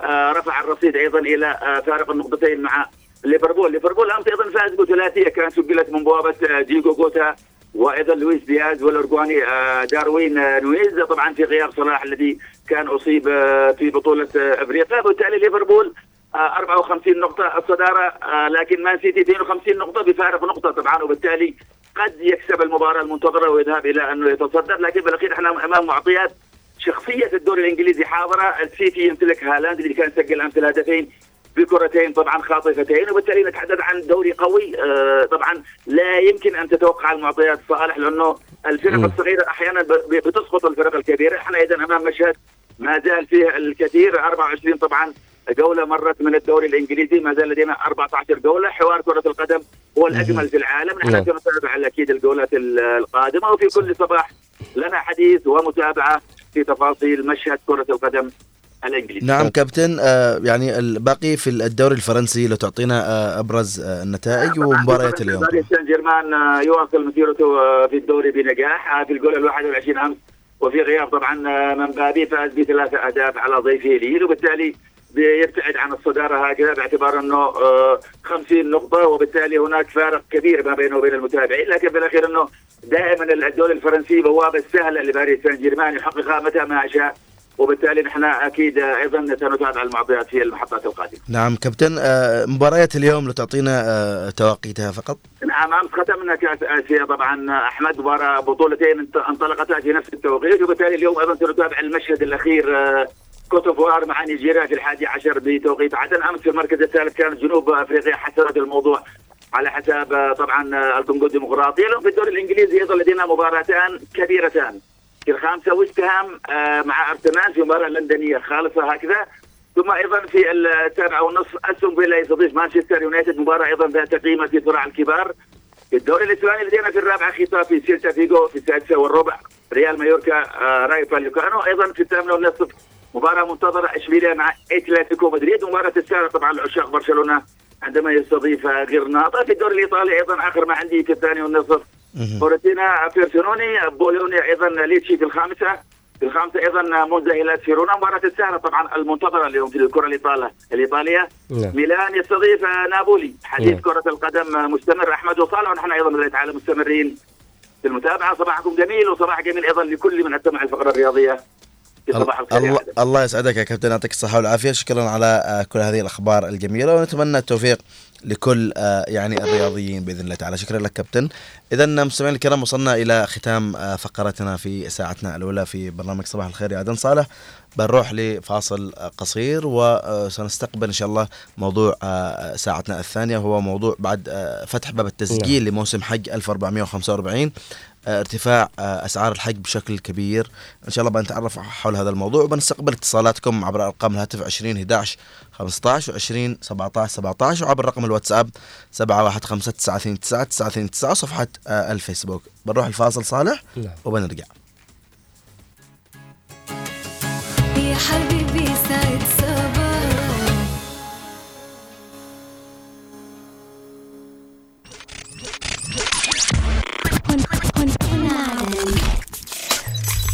هنا عدن اف ام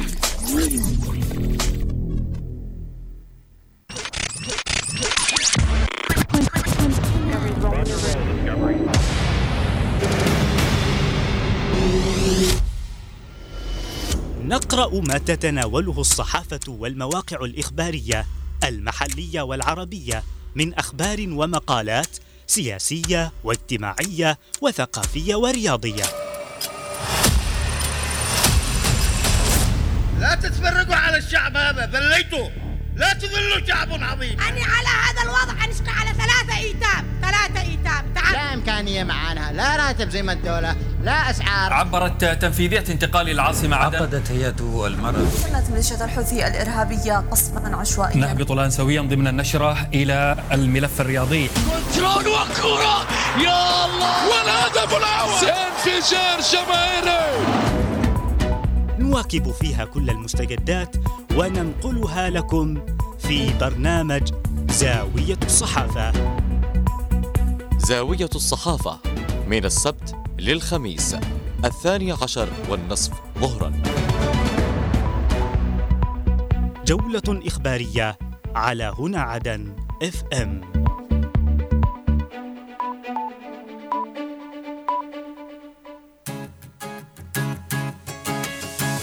حبيبي سعد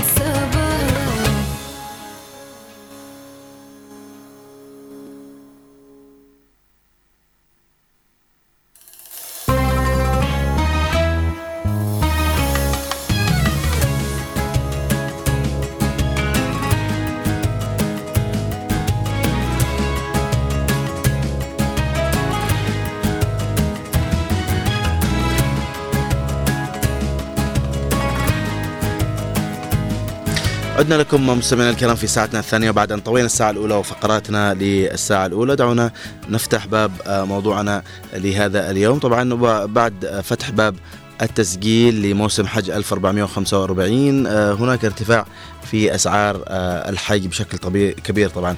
طبعا آه، هناك جهود تبذل من قبل وزارة الأوقاف والعمرة وحقيقة قطاع الحج والعمرة يبذل جهود أيضا كبيرة. كل آه، الشكر والتقدير لهم والتوفيق إن شاء الله. لكن ربما مع الأسباب الاقتصادية والوضع الاقتصادي والمعيشي هناك كثير من الناس لا يستطيعون اليوم الذهاب إلى حج بيت الله الحرام بسبب يعني الوضع المعيشي. وكذلك ربما هناك ارتفاع في أسعار آه، الحج طبعا نحن سنتعرف أكثر حول آه، هذا الموضوع و آه، أيضا بنتعرف أيضا عن التجهيزات يعني صحيح. اللي تقوم يعني فيه وزارة الأوقاف والإرشاد ربنا يسهل أمورهم إن شاء الله ويوفقهم لكل خير. حول هذا الموضوع طبعا يسعدنا أن يكون معنا عبر الهاتف الشيخ الدكتور مختار الرباش وكيل قطاع الحج والعمرة بوزارة الأوقاف والإرشاد. السلام عليكم دكتور مختار. وعليكم السلام ورحمة الله وبركاته. حياكم الله آه، أخي الكريم وجميع المستمعين. وصبحكم الله بالخير والعافية. الله يحفظكم آه، دكتور ويعطيك العافية. وشاكرين لك التجاوب ووجودك معنا في حلقة صباح الخير عدن عبر اذاعه هنا عدن إف إم. حياكم الله. اولا آه، شيخ آه، يعني آه، أو دكتور مختار يعني آه، أبدأ معك. اولا لو تحدثنا يعني قبل ما نبدأ آه، أسباب ارتفاع يعني آه، التجهيزات اللي تقوموا فيها لاستقبال موسم الحج لهذا العام. الحمد لله والصلاة والسلام على رسول الله وعلى آله وصحبه ومن والاه. أما بعد آه، طبعا هذا ال- الارتفاع في آه، أسعار الحج آه، هو ارتفاع يعني على جميع الدول وليس على اليمن فقط. واليمن يعتبر من أقل الدول التي تكون التي قيادتها في الوزارة والبعثة أشد حرص. على أن تكون الخدمات متميزة وأن تكون الأسعار آه، اختيار الأسعار التي هي أقل بما مهم. يتناسب مع الوضع الاقتصادي. فالارتفاع الحاصل كما قلنا هو ارتفاع يعني في الخدمات و وليس ارتفاع يعني طارئ جاء الآن بشكل غير طبيعي بل هو آه، جاء نتيجة للنهضة التطويرية التي تقوم بها آه، المملكة العربية السعودية وفق رؤية آه، 2030 التي يقودها خادم الحرمين الشريفين آه، سلمان بن عبد العزيز وولي عهده الأمير آه، محمد بن سلمان. بن عبد العزيز والنهضة التطويرية هذه في جميع المجالات من من ضمنها آه، الأمور آه، الدينية والسياحة الدينية. مهم. يعني الارتفاع آه، دكتور مختار لجميع الدول وليس فقط بلادنا. اي نعم نعم لجميع الدول والأسعار ال- ال- المطروحة حتى تم تفصيلها بكل شفافية ووضوح نعم تابعنا المنشور صحيح. وفق المنشور في صفحة الوزارة. نعم تابعنا المنشور. طيب آه، دكتور مختار يعني ال ال ال ال يعني ما حاولتوش أنتم كقطاع حج عمرة أو ربما قيادة الوزارة أيضا آه، يعني آه، يعني محاولة تخفيض يعني أو يعني أنت قلت ربما يعني تعرف الوضع في البلاد يعني. يعني السنة الأولى السنة الأولى تقريبا كان 13000 أو 12000 صحيح دك- دكتور؟ اي نعم نعم. إيه، 12000 وشويه هو الآن 14000 وشوية يعني زيادة حوالي 2000 ريال أو 2500 بهذه الحدود. مهم. لكن الفرق بين العام الماضي وهذا العام فرق يعني في في فرق كبير من ناحية الخدمات. التي يعني تم إلزامها من قبل الجهات المعنية في المملكة العربية السعودية لجميع الدول ومن ضمنها اليمن. فعندما تجد آه، في البنود قائمة الأسعار تجد أن هناك جهات مشتركة كثيرة جدا آه، حكومية وغير حكومية خاصة آه، في المملكة العربية السعودية آه، كلها تسعى ل تقديم الخدمات. تقديم خدمة متميزة للحاج. الانتقال بخدمة الحاج من الشكل العادي إلى الشكل ال- ال- المتطور لتخفيف عناء وتعب ومشقة السفر وأيضا آه، المناسك. طيب دكتور مختار يعني آم، من خلال المنشور اللي تبعنا ونشرتموه على صفحات التواصل الاجتماعي آه، تحذرون من آه، السماسرة يعني آه، لو تحدثنا يعني إيش إيش القصد يعني هل هناك آه، عمليات ربما نصب احتيال يقوم بها البعض اذا هذا الموضوع أو ماذا؟ آه، في كل عام آه، يقوم بعض ال- السماسرة والمكاتب الغير معتمدة رسميا من قبل وزارة الأوقاف والإرشاد ومن قبل وزارة التجارة والصناعة والسياحة. ليس لديها تراخيص آه، فتقوم بإيهام المواطنين بأنها مكاتب رسمية. فتأخذ مبالغ زيادة آه، تثقل كاهل ال- المواطن آه، وإيهامه بأنها ستقوم بتسجيله وترتيب. ثم تقوم تسجيله عند وكالة آه، معتمدة. أها.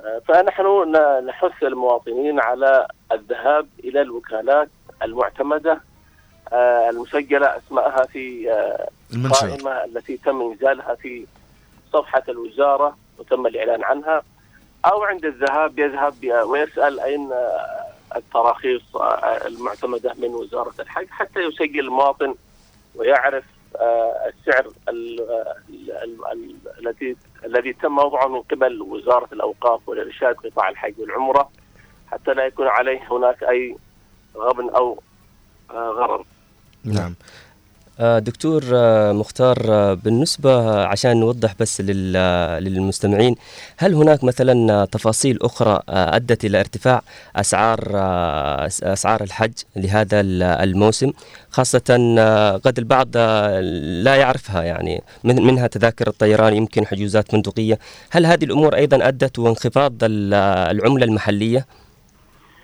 آه، شوف لو تقارن آه، أسعار الفنادق آه، قبل سنوات قليلة مع هذا العام. آه، هناك فرق. ارتفاع ما يقارب آه، يعني الفندق كان يؤخذ مثلا ب 2000 ريال الآن يؤخذ ب- بضعف 100% ب 4000 ريال. ما يقارب 4000 ريال. آه، في المدينة المنورة ك- آه، كنا نستأجر آه، يعني السرير للحاج الواحد. كان يتم استئجاره من قبل الوكالة. ب 200 ريال الآن يستأجر أو 250 الآن يستأجر ب 500 ريال ال- النقل بين المشاعر المقدسة آه، التابعة للنقابة العامة للسيارات آه، في منطقة مكة المكرمة. آه، كان النقل بين المشاعر يعني 500 ريال 600 ريال. الآن أصبح ب 100 ب 1182 ريال. ففي آه، أسعار ارتفعت آه، بنسبة 100% وفي أسعار آه، آه، خدمات ارتفعت آه، بنسبة آه، 50% 60% ف أيضا هناك آه، حتى حتى في في الإعاشة كانت من قبل ب 300 ريال ب 250 الآن أصبحت آه، في المطابخ يعني في مكة المكرمة ب 450 ب 500 صحيح. آه، فهذه المبالغ أكيد آه، تلقائيا آه، سترتفع والمبلغ الإجمالي سيرتفع.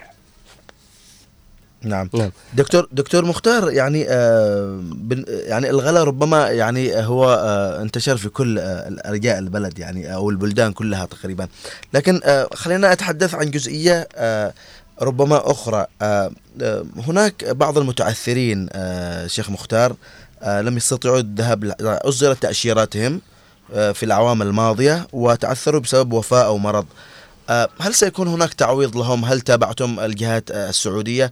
رغم أنه يعني في كثير من الناس أنا أعرفهم ربما يعني أنا أحد الأشخاص اللي تعثروا وبسبب وفاة الوالد عليه رحمة الله ويعني لم يتم التواصل أيضا مع بعض الجهات. هذا الموضوع طرح في حينه بعد الحج مباشرة. آه، مثل أي آه، تأشيرة يتم السفر آه، إلى أي بلاد. إذا قطعت تأشيرة آه، إلى الهند أو إلى الأردن أو إلى أوروبا أو إلى أي مكان. وحصل لك ظرف وما رحت. هل يرجعوا لك المبلغ المالي؟ آه، لا يرجعون لك المبلغ المالي. فكان هكذا الرد انه ال- أن التأشيرة قد صدرت. والخدمات كلها رتبت وحجزت لهذا ال- الحاج أو لهذا المواطن. و يعني ما حصل أنه سافر. فصاحب الفندق مثلا في مكة المكرمة يقول أنا يعني خسران ملايين. و ثم لما يحصل ظرف لاي لاي لأي راغب في الحج فهو أيضا خسران. نعم. لأنه هذا المكان كان محجوز لشخص. فمن هذه الناحية آه، يعني تم الرد علينا بهذه الطريقة. بس آه، آه، معلش يا دكتور مختار أنا تابعت قبل فترة في آه، أحد ال ال- يعني صفحة معتمدة لاخبار آه، المملكة إنه تم تعويض بعض الدول يعني. لماذا بلادنا لم يتم تعويضها؟ رغم إنه يعني تابعتوا أنتم صراحة والله مش مجاملة يعني تقوموا بجهود كبيرة ونتابعكم بشكل كبير لكن مش عارف يعني ليش التعامل مع بلادنا بهذه الطريقة. لا لا لا لا لا. هناك تعامل حقيقة راقي وباحترام من قبل الاشقاء في المملكة العربية السعودية وتعاون كبير للمجورة و نعم. رابط الأخوة والدم. آه هذا هذه آه، هناك بعض الذين لم تصدر لهم تأشيرات لم تصدر لهم تأشيرات هذه هؤلاء هذه الفئة. نعم آه، تم آه، يعني المتابعة آه، في حقهم. وجاري المتابعة إلى الآن. لكن جميل. أنه يعني هناك استقصاد مثلا لليمن هذا غير صحيح. بل نحن نجد معاملة من الأشقاء في المملكة العربية معاملة متميزة. وتعاون كبير جدا. في أي عراقيل آه، ترفع إليهم. هناك تعاون كبير حقيقة أمانة. ما هوش بهذه الطريقة التي كانت توصف أو تنشر في آه، في في الإعلام. لا جميل وحنا يعني بدورنا آه، وعبركم شيخ مختار أنكم توضحوا للناس وجميل أن تصل الرسالة الإيجابية والرسالة الصحيحة. شكرا لك دكتور. أنا بضيف عادني نقطة دكتور مختار. بالماضي كانت وعورة الطريق وصعوبة أنك توصل لل- للحج. اليوم مع سهولة النقل وتطور ال- وسائل النقل ارتفاع عدد الحجاج في كل في كل عام لكن دكتور مختار تنظر العديد من الشركات إنها تمارس الحج على إنها وسيلة لتحقيق أرباح هائلة من أنفسهم. من المعروف أن العديد من الشركات تقدم باقات الحج الخاصة التي تحتوي على خدمات عادية ولكنها مبالغ فيها بشكل كبير. أنا الذي اقصده أنه هل هناك شركات خاصة سياحية آه، تستغل هذا الحدث المقدس؟ شوف شركات ال- الوكالات السياحية والخدمات ال- ال- الحج والعمرة آه، آه، تقوم وفق تعليمات آه، وزارة الأوقاف والإرشاد قطاع الحج والعمرة ووزارة الحج والعمرة السعودية. هناك بعض الشركات التي يعني حاولت من قبل الاساءه لبعض الحجاج إما عبر مندوبيها أو عبر موظفيها وتم إيقافها وتم آه، يعني آه، إنزال العقوبة عليها وفق اللوائح ال- والعقوبات المنظمة لذلك المعتمدة الوزارية. آه، هذه آه، تحصل بعض الأخطاء ويتم محاسبة هذه الشركات والوكالات. نعم دكتور مختار أختم معك بسؤال يعني و- وربما هو ليس سؤال إنما هي آه، رسالة توجهها لمن لا يستطيع اليوم آه، الحج والتوجه إلى بيت الله الحرام الله سبحانه وتعالى يقول آه، لمن استطاع إليه سبيلا. نعم والحج ركن من أركان الإسلام ولكن آه، سبحانه وتعالى آه، وضع هذا آه، آه، أنه لمن استطاع إليه سبيلا. والحجاج ضيف الله. وأنصح يعني إخواني والمستمعين آه، بالدعاء. الدعاء آه، يعني بتحقيق آه، هذه الأمنية. والله سبحانه وتعالى يسهل. نعم صحيح. جزاكم الله خير آه، الشيخ الدكتور مختار رباش وكيل قطاع الحج والعمرة بوزارة الأوقاف والإرشاد. أنا أشكرك حقيقة ونيابة عن كل المستمعين والمشاهدين على كل هذه التوضيحات وكل التوفيق إن شاء الله لكم في آه، آه، نجاح موسم هذا الحج بإذن الله تعالى. شكرا لك. جزاكم الله خير. شكرا لك. اذا مستمعينا الكرام مشاهدينا استمعنا إلى الدكتور الشيخ مختار رباش وكيل قطاع الحج والعمرة بوزارة الأوقاف والإرشاد. استمعنا إلى كثير من النصائح صالح يعني نعم. الشيخ مختار حقيقة طرح النقاط على الحروف يعني إنه الارتفاع هذا يعني آه، وزارة الأوقاف ما لهاش دخل يعني. ال- ال- الارتفاع آه، يعني يعني عالمي لكل الدول آه، صحيح. ارتفاع الخدمات ارتفاع آه، التنقل بين المشاعر كل هذه النقاط هي آه، يعني أسباب آه، ارتفاع الحج طبعا ربما نحن كمان آه، نشوفه يعني مرتفع بسبب العملة نعم. يعني ال- اليوم ال- الألف السعودي 425 ألف صحيح. كان زمان 50 ألف أو أقل أو أكثر. فبالفعل يعني هذه أحد الأسباب. وإن شاء الله مثل ما قال الشيخ في آخر كلامه أنه لمن استطاع إليه سبيلا اللي عنده استطاعة وبالنهاية الاستطاعة تتوفر في كثير من الجوانب سواء استطاعة جسدية استطاعة مالية. البعض عنده استطاعة جسدية ما عندوش مالية والبعض صحيح. عنده مالية ما عندوش جسدية. صحيح. فالاستطاعات تشمل كثير من النواحي. نشكر حقيقة الشيخ مختار على كل هذه التوضيحات جزاه الله خير. نعم. وطبعا بنفتح باب الاتصالات صالح عبر ارقام الهاتف 20 11 15 20 17 17 وعبر رقم الواتساب وصفحة آه الفيسبوك. آه صالح حجيت من قبل؟ لا. إن شاء الله. لحد الآن. إن شاء الله. نعم أتمنى لكل من هو آه، يرغب أو إنه آه، يريد أن يذهب إلى هذا ال- المكان المقدس أنه يتحقق له هذا ال- اليوم. آه، بالنسبة أحمد أنه كمان زي ما ذكر آه، الدكتور مختار أنه كمان في حاجة اسمها تخفيض قيمة العملة الدولية. مهم. أدت إلى ارتفاع بالنسبة مش عندنا بس أعتقد أنه في كل عام آه،. جميع الدول العربية والجميع الإسلامية تشهد هذا تشهد هذا الارتفاع. أعتقد أنه هو مثلا في تذاكر الطيران وحجوزات الفندقية صحيح. وكمان آه، النقل. هذا أدى كمان إلى صحيح. صالح أنت حتى لما بتروح عمرة الآن يعني بتروح عمرة بتشوف ال- ال- غلاء ال- ال- الأسعار اللي موجود. طبعا يعني الأوضاع في شكل بشكل عام في كل الدول ما هي زي أول. يعني الان لما تروح حتى مصر تروح السعودية بتروح أي دولة الغلاء يعني عالمي زي ما يقولوا. صحيح. يعني إحنا نشوف حتى دول عالمية تعاني. نعم. آه معنا اتصال؟ آه ما في اتصال طيب نحن بنستقبل اتصالاتكم بس نذكر عبر ارقام الهاتف 20 11 15 20 17 17 وكذلك رقم آه الواتساب. هناك رسالة من أم قاسم آه تحيي الطاقم وتبارك لنا بشعبان. وكذلك من محمد العبيدي يقول أسعد الله صباحكم آه أخي أحمد. آه ونصبح ونرحب بالوافد الجديد الأخ صالح. آه حياك الله يا محمد العبيدي يعطيك الصحة. والعافية. آه المستمعين فرحانين فيك. آه طبعا آه نذ... ها؟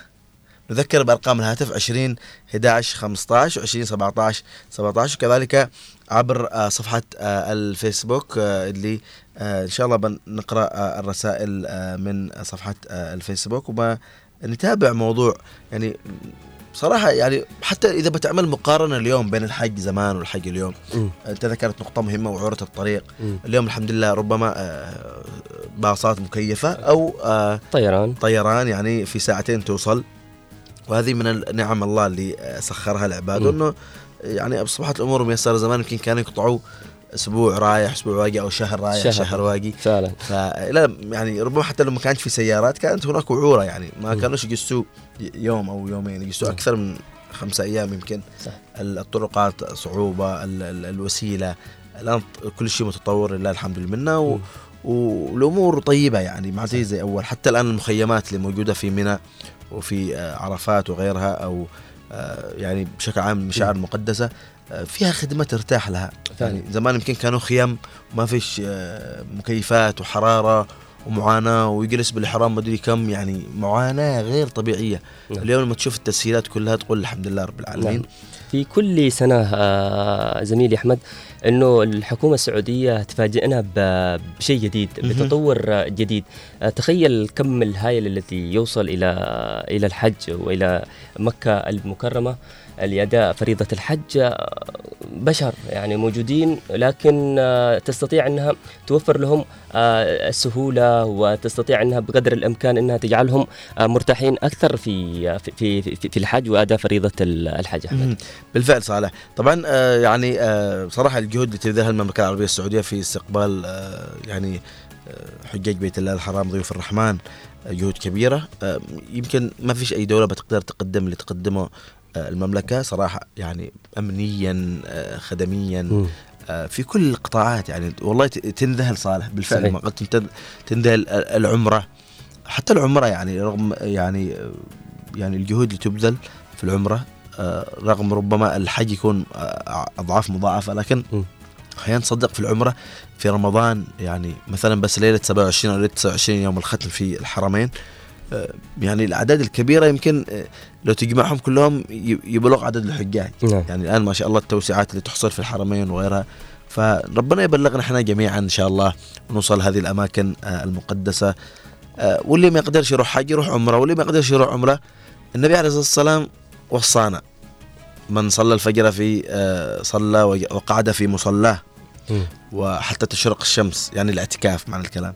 ثم يعني معنى الكلام صلى ال- ال- الإشراق. حتى تطلع الشمس كتبت له حجه وعمره تامة تامة تامة. يعني ال- الأمر بيدنا.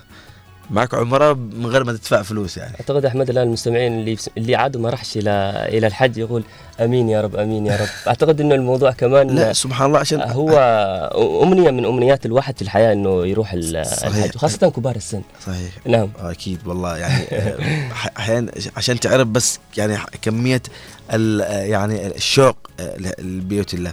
طبعا أم مهند آه، تقول آه، صباح الخير والحيوية والنشاط. بداية أسبوع مليئة بالنجاح أيها الرائعون. شكرا لك أم مهند يعطيك العافية.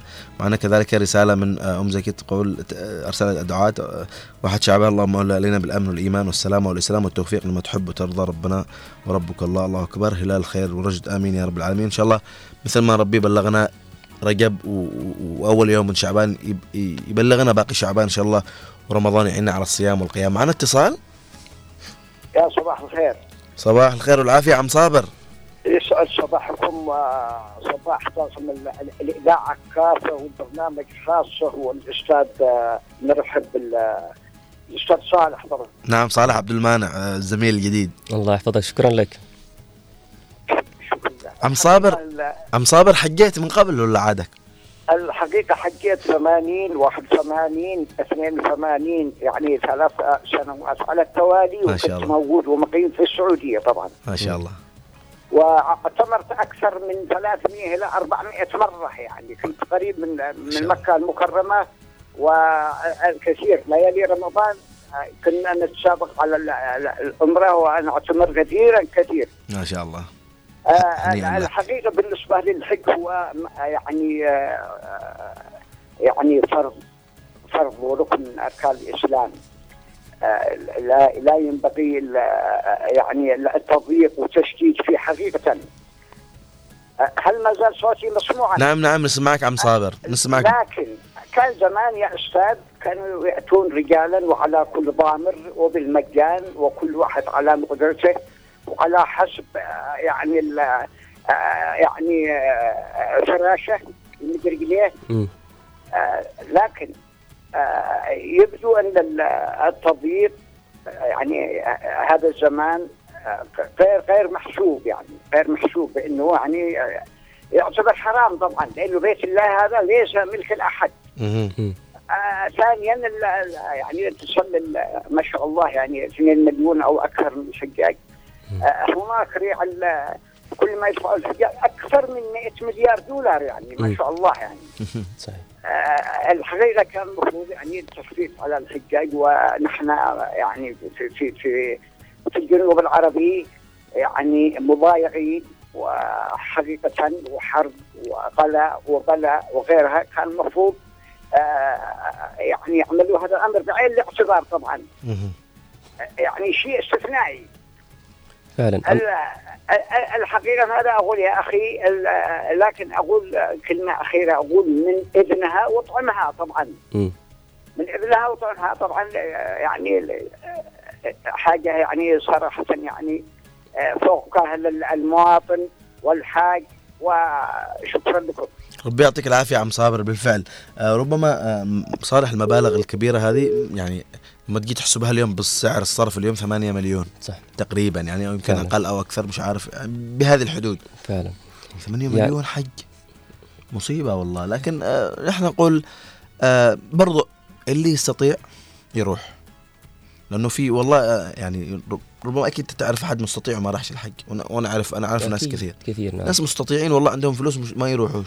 نعم. مش عارف إنه عناد إنه بس بالنهاية هي دعوة. يعني الله إذا وفقك ودعاك بتوصل آه، بيته الحرام وبتأدي هذه الفريضة المقدسة. أحمد بالنسبة لل- للاستطاعة وعدم الاستطاعة وارتفاع ال- الأسعار هذا بالنسبة برا بعض ال- بعض الحجاج كبار السن. يحتاجون إلى نقل عبر الطيران. طيران. طبعا برا آه، 14796 ريال سعودي وجوا هو 15250 صحيح. يعني كمان ارتفعت حوالي لا، خل- 1000 خلي بالك. 15. هذه فقط 15,000. هذه الرسوم من غير البر أو الجو أيوه يعني الج- الجو كم قلت 15 15250 يعني يمكن جواً. يمكن طيران تزيد فوقها 2500 للطائرة لا 14700 هذا برا لا هي وضحت الوزارة مم. إنه ال- خ- 15000 من غير تذاكر الطيران آه. أها. حتى المكاتب المدينة أنا أقول لك 15000 و14000 من غير الباص أو الطائرة. حوالي الفارق 1000 1500 يعني, يعني. لا الطيران تقريبا ب 2000 وشوية. شوف. آه 2000 سعودي وشوية. يعني آه، كاهل جديد كاهل. جديد الله يعين لكن بالنهاية برضو اللي ما يستطيعش يروح حج يروح عمرة. يعني برضو العمرة في شهر رمضان كحجه يعني. نعم. واللي ما يستطيعش يروح حج عمرة يصلي في بيته أو في المسجد اللي يعني بالنسبة للرجال أو الشباب. واللي هم يعني سواء آه، أطفال أو مقعدين أو نساء. يصلوا في البيت ويعتكفوا بعد الفجر وتكتب لهم حجه وعمرة تامة زي ما قال النبي. في طريقة ثانية أحمد أيضا. من غير ما يخسر. الهكبة. نعم يعمل يعملوا هكبة. بعضهم آه، بس خلال عشر سنوات والله أكيد. إنه يجمع يجمع يجمع يجمع إلين صحيح آه، أكيد بس يحصل مبلغ الحج. أكيد بلا شك. بس يعني أنا برأيي على حسب الظروف هذه. إنه يعني لا تكلفش نفسك يعني تكلفش؟ نفسك مم. بالفعل. لأنه أحيانا بعضهم يتكلف ويجلس على الهكبه يعني هو فرحان الآن بي بالنهاية هي بيدفعها. يعني اليوم عندنا مأساة اقتصادية مأساة يعني الواحد يدور الله لقمة عيش. فصح إنها هذيك فريضة لكن قدوء الله يسرها لمن مم. استطاع إليه سبيلا. صحيح. فيعني بيد نحتاج اليوم نحن إلى آه، شروط الاستطاعة. طبعا هذا وضحها الفقهاء يعني اللي يحب إنه يطلع أكثر. مم. يطلع عن هذا الموضوع ويسأل الفقهاء والعلماء لأنه بيفيدوا أكثر. نحتاج اليوم والله إلى آه، يعني نهضة في هذا الجانب وإن شاء الله بتصلح بلادنا وبتصلح العملة وكل شيء بيجي بإذن الله تعالى. بإذن الله خلينا نقرأ رسالة من آه، أم رجاء تقول صباح الخير لمن ألقت الدنيا في طريقه عقبة فعبر من فوقها جازما متوكلا ملهما لغيره مؤكدا نهاية السعي وصول شكرا لك أم رجاء. أم عبد الله تقول السلام عليكم صباح الخير أحمد وصالح والله نتمنى أن نروح الحج ولكن المعيشة والظروف الصعبة هي اللي تخليك ما تقدر. والحج غالي مرة ليش كذا غالي مع إنك رايح تحج بيت الله. آه صحيح أم عبد الله آه غالي جدا ونحن استفسرنا حقيقة من الدكتور مختار رباش. آه وضح لنا صراحة وأنا أشكره والله مرة ثانية وثالثة إنه آه وضح للمستمع وللجمهور الغلاء طبعا آه مثل ما قال الدكتور آه الشيخ مختار رباش إنه هذا الغلاء من آه يعني لكل الدول. آه السعر ثابت. بسبب التطوير اللي يحصل في المملكة والنهضه والخدمات وغيرها آه يعني ال- الوزارة الوزارة ما لهاش دخل خالص في هذا. الموضوع. صحيح. و آه، مع ذلك نحن نقول إنه مشكلتنا إحنا في آه، العملة اللي نحن نعاني منها. إن شاء الله آه، يعني ال- آه، المسؤولين حقنا يتحركوا قليل ويخفضوا آه، العملة يعني. صحيح.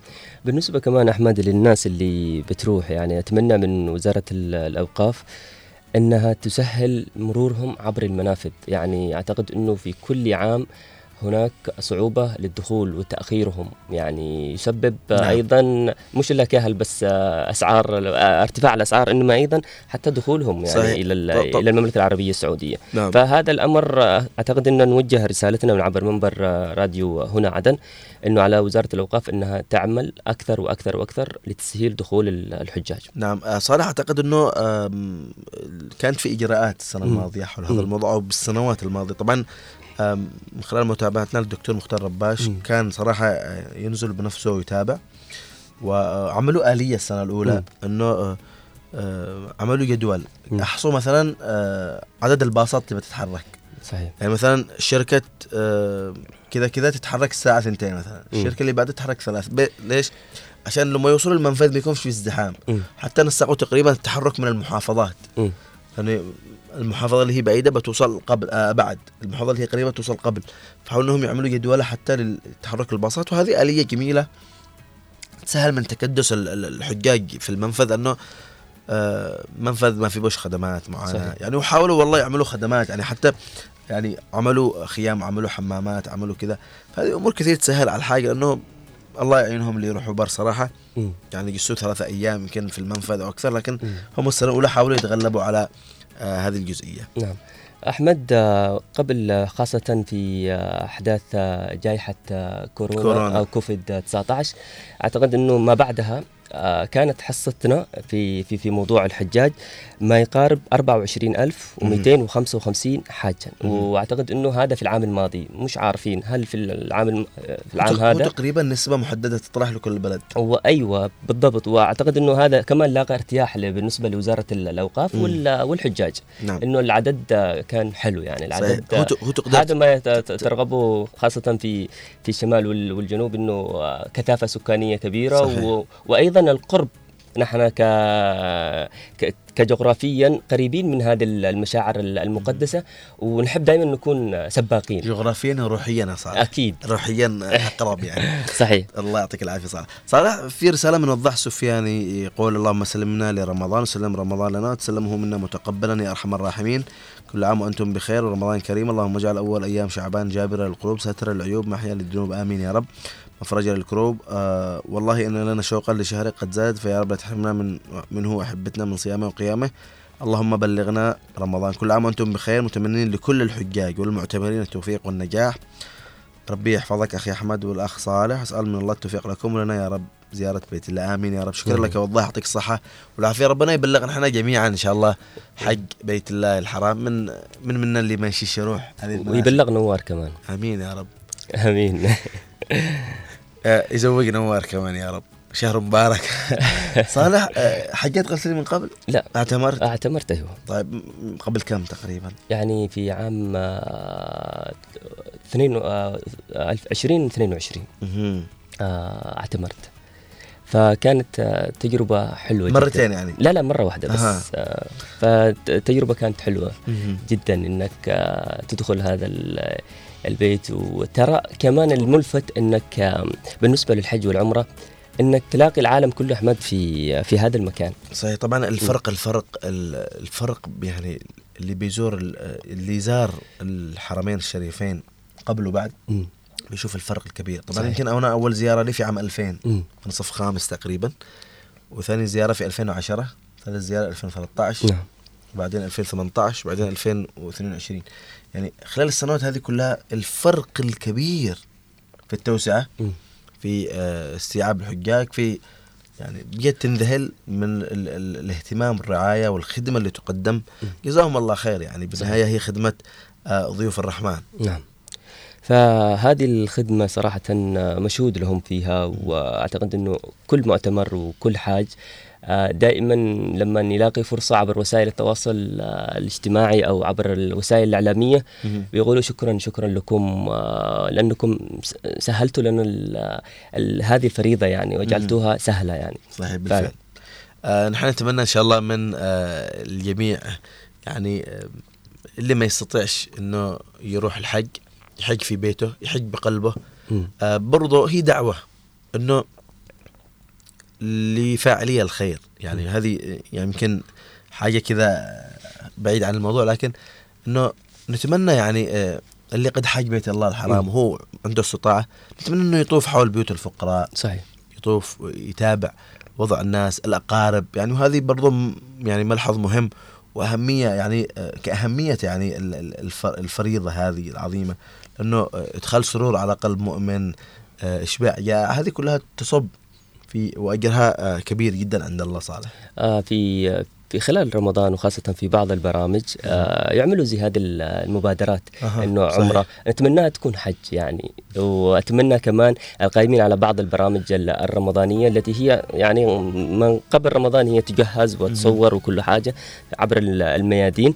فكمان آه، يا ريت نوجه رسالتنا أيضا إنه مش بس آه، عمرة كمان حج يعني من خلال برامجكم إنكم تحاولوا أنكم تجعلوا آه، كبار التجار وأصحاب المؤسسات التجارية الكبيرة يعملوا مبادرات أحمد زي كذا.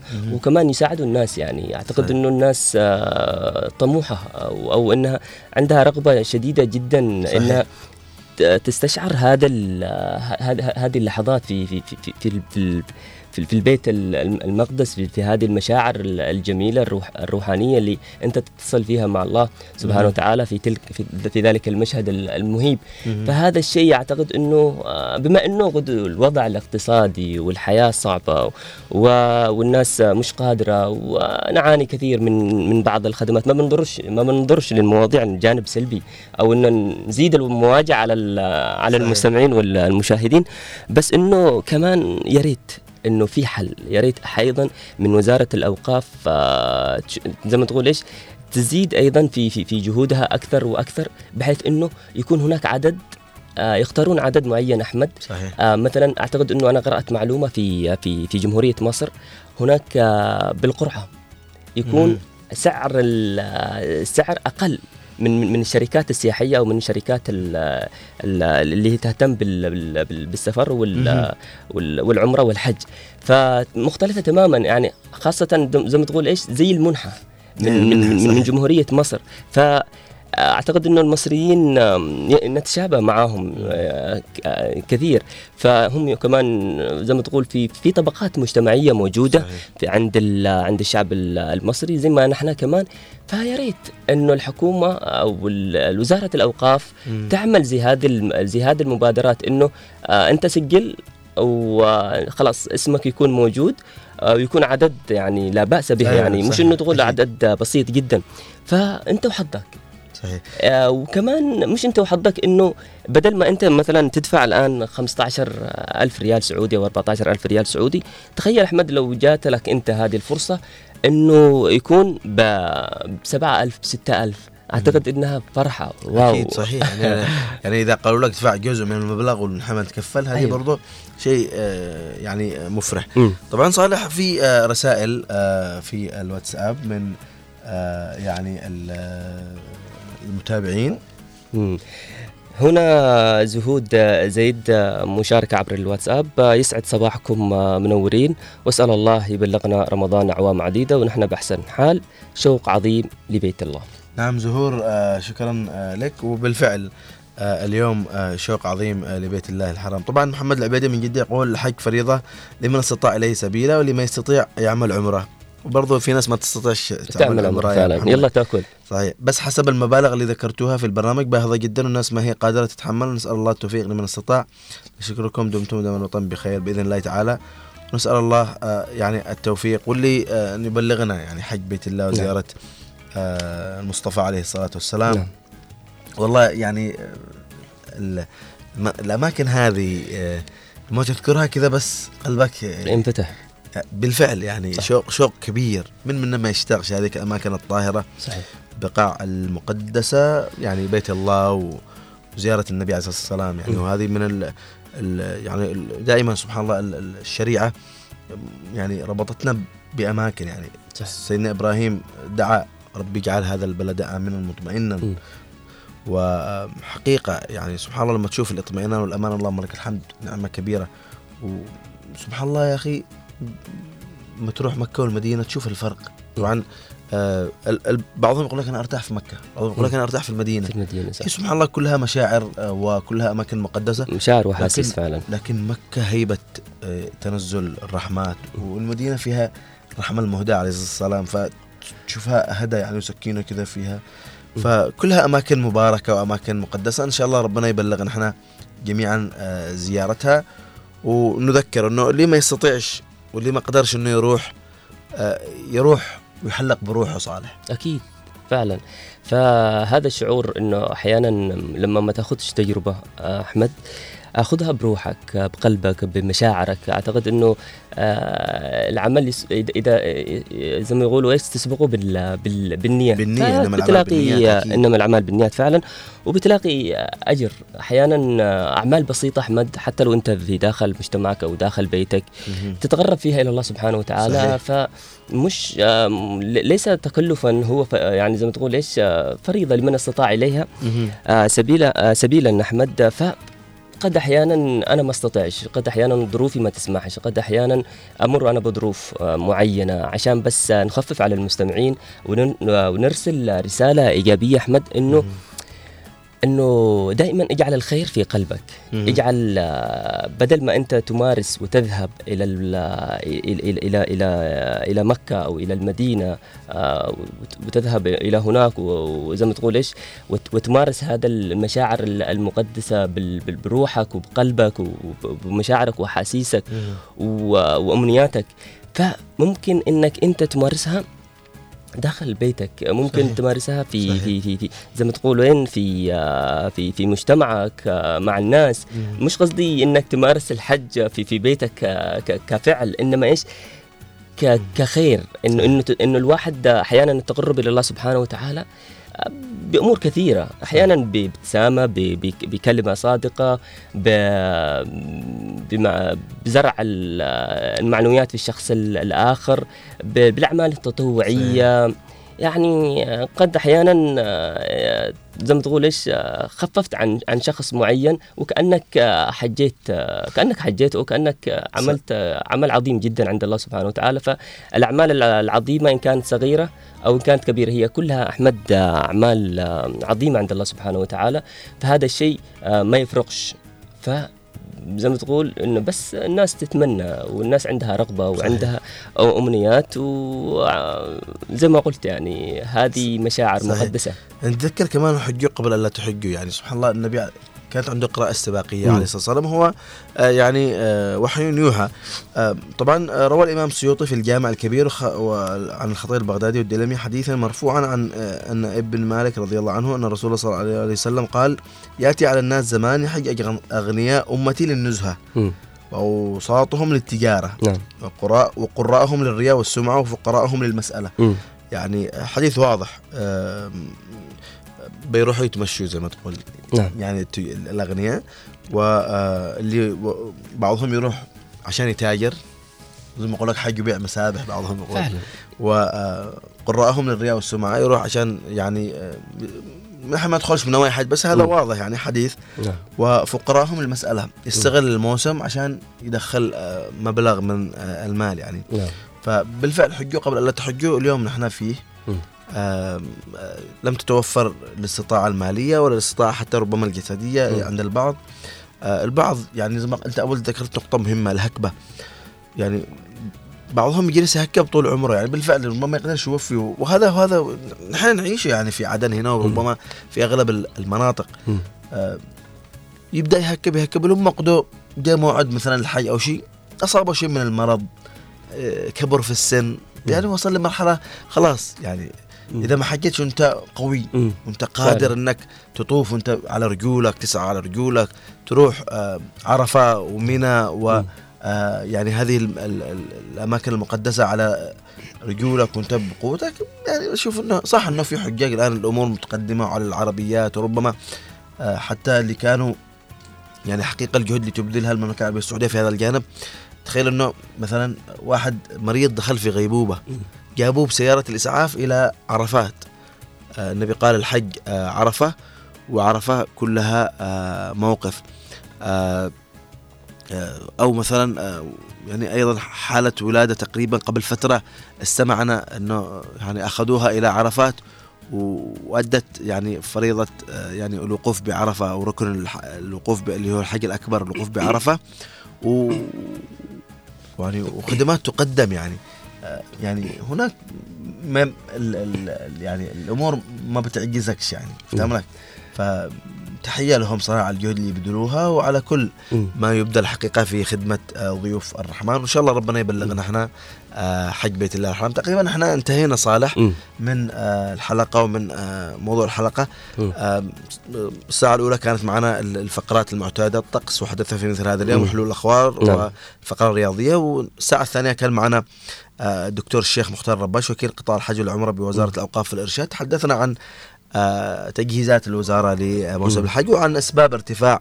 الأسعار لهذا الموسم أحمد أنت ذكرت حاجة بس عشان أعقب عليها للمستمع عشان آه، ننظر لها بجانب إيجابي مم. موضوع إنه بعض الناس آه، ما عندهاش القدرة إنها على طول تروح للحج آه. فتجمع زي ما قلت لك أنا إنه هكبة وهكبة إنه تجمع تجمع تجمع وتوصل لمرحلة إنه خلاص قد كبر صحيح فلا بنحاول قدر الإمكان نزرع فيهم ال- الأمل أحمد إنه آه، آه، عادي مش مشكلة جمع وجمع وجمع إن شاء الله بإذن صحيح، الله إنك صحيح. تروح تجي فترة الحج إنك وإنت بصحة وسلامة أكيد أحمد. أكيد طبعا إحنا إحنا أنا مش قصدي إنه. آه، إحباط أو شيء لا بس. إنه هذا واقع هذا يعني واقع، ربما. يعني بالنهاية آه، ما يعني الع- العمر بيد الله. يمكن الشاب اليوم ما يضمن عمره يعني. إحنا الفترة الأخيرة كثير من الشباب وفاتهم فجأة يعني. صحيح. ف- وخاصة أحمد الرغبة كمان من كبار السن. أكيد أكيد أكيد. فتجميعهم كمان ونح- لازم أكيد. ون- ونحن ونحن نعيد نذكر إنه صلي الفجر وجلس في مصلاك على. السجادة مم. ولا على الكرسي ولا على السرير ايا كان موقعك. صحيح. وأنت آه، متوضي اقرأ قرآن واعتكف واذكر الله وسبح وصلي على النبي. وحتى تشرق الشمس صلي الإشراق صدقنا. يعني كلام النبي لا ينطق عن الهوى. كتبت أو ستكتب لك عمره وحجه تامة تامة تامة مع التأكيد يعني. نعم. عموما نسأل الله أن يبلغنا حج بيت الله الحرام وكل من يستمع لنا ويتابعنا إن شاء الله. واللي بيروح إن شاء الله آه، لحج لحج بيت الله الحرام ما ينصرحناش من الدعاء والدعاء كذلك لبلادنا. إن شاء الله ربنا آه، يحفظ الجميع ويوفق الجميع. أحمد آه، خلال هذا ال- البرنامج الصباحي لأول مرة أظهر عبر راديو آه، هنا عدن عبر التردد 92.9 وعبر شاشتنا العظيمة شاشة آه، عدن المستقلة. عدن المستقلة آه، بجد كان يوم جميل جدا ولطيف اولا إني طلعت معك. أحمد ورافقتك خلال هذا. الرحلة وكمان أسعدني كثير إنه في رسائل وصلت كمان في عبر الرقم وعبر رقم ال- الواتساب حق الراديو إنه آه، ترحب فيني وتقول لي أهلا وسهلا فهذا دائما المستمع آم، بداية جديدة. مش مش مش غريب عنهم دائما. أنا دائما في الكنترول عند نوار أسمع المستمعين ومشاركاتهم الجميلة جدا. نعم. أحيانا هم صراحة يا أحمد المستمعين والمتابعين والمشاركين اللي آه، للراديو والتلفزيون هم هم هم جزء من هذا المكان أكيد وهم. وهم روح صحيح. المكان هم كمان. هم رأس المال زي ما يقولون. فعلا. طبعا صالح آه أذكر إنه أهلا بك مرة ثانية. آه لا تنسيش واحد شعبان دائما مم. بداية انطلاقتك معنا في آه، الإذاعة. ذكرى بنخلي حدثها في مثل هذا اليوم. إن شاء الله. يعطيك الصحة والعافية. الله وصلنا. وإياكم مستمعينا ومشاهدينا إلى ختام هذه الحلقة. إن شاء الله نلقاكم غدا في حلقة جديدة. لا أنسى أن أشكر آه، كل المستمعين والمشاهدين. كذلك أشكر زميلي في الإعداد والتقديم آه، صالح عبد المانع. إن شاء الله نلقاكم غدا. ونشكر آه، نوار المدين من الإخراج والهندسة الصوتية ومن المكتبه والتنسيق الزميل عبد الله محمد ومن الإخراج التلفزيوني الزميل أحمد محفوظ ومن قسم البلاي أوت لهذه الفترة حسن السقاف. واللي كان معنا محمد بوزير في الفترة آه، السابقة. شكرا لكم جميعا ودمتم ودام وطن. الوطن بألف خير. السلام عليكم ورحمة الله. إلى اللقاء. يا حبيبي سعد صباح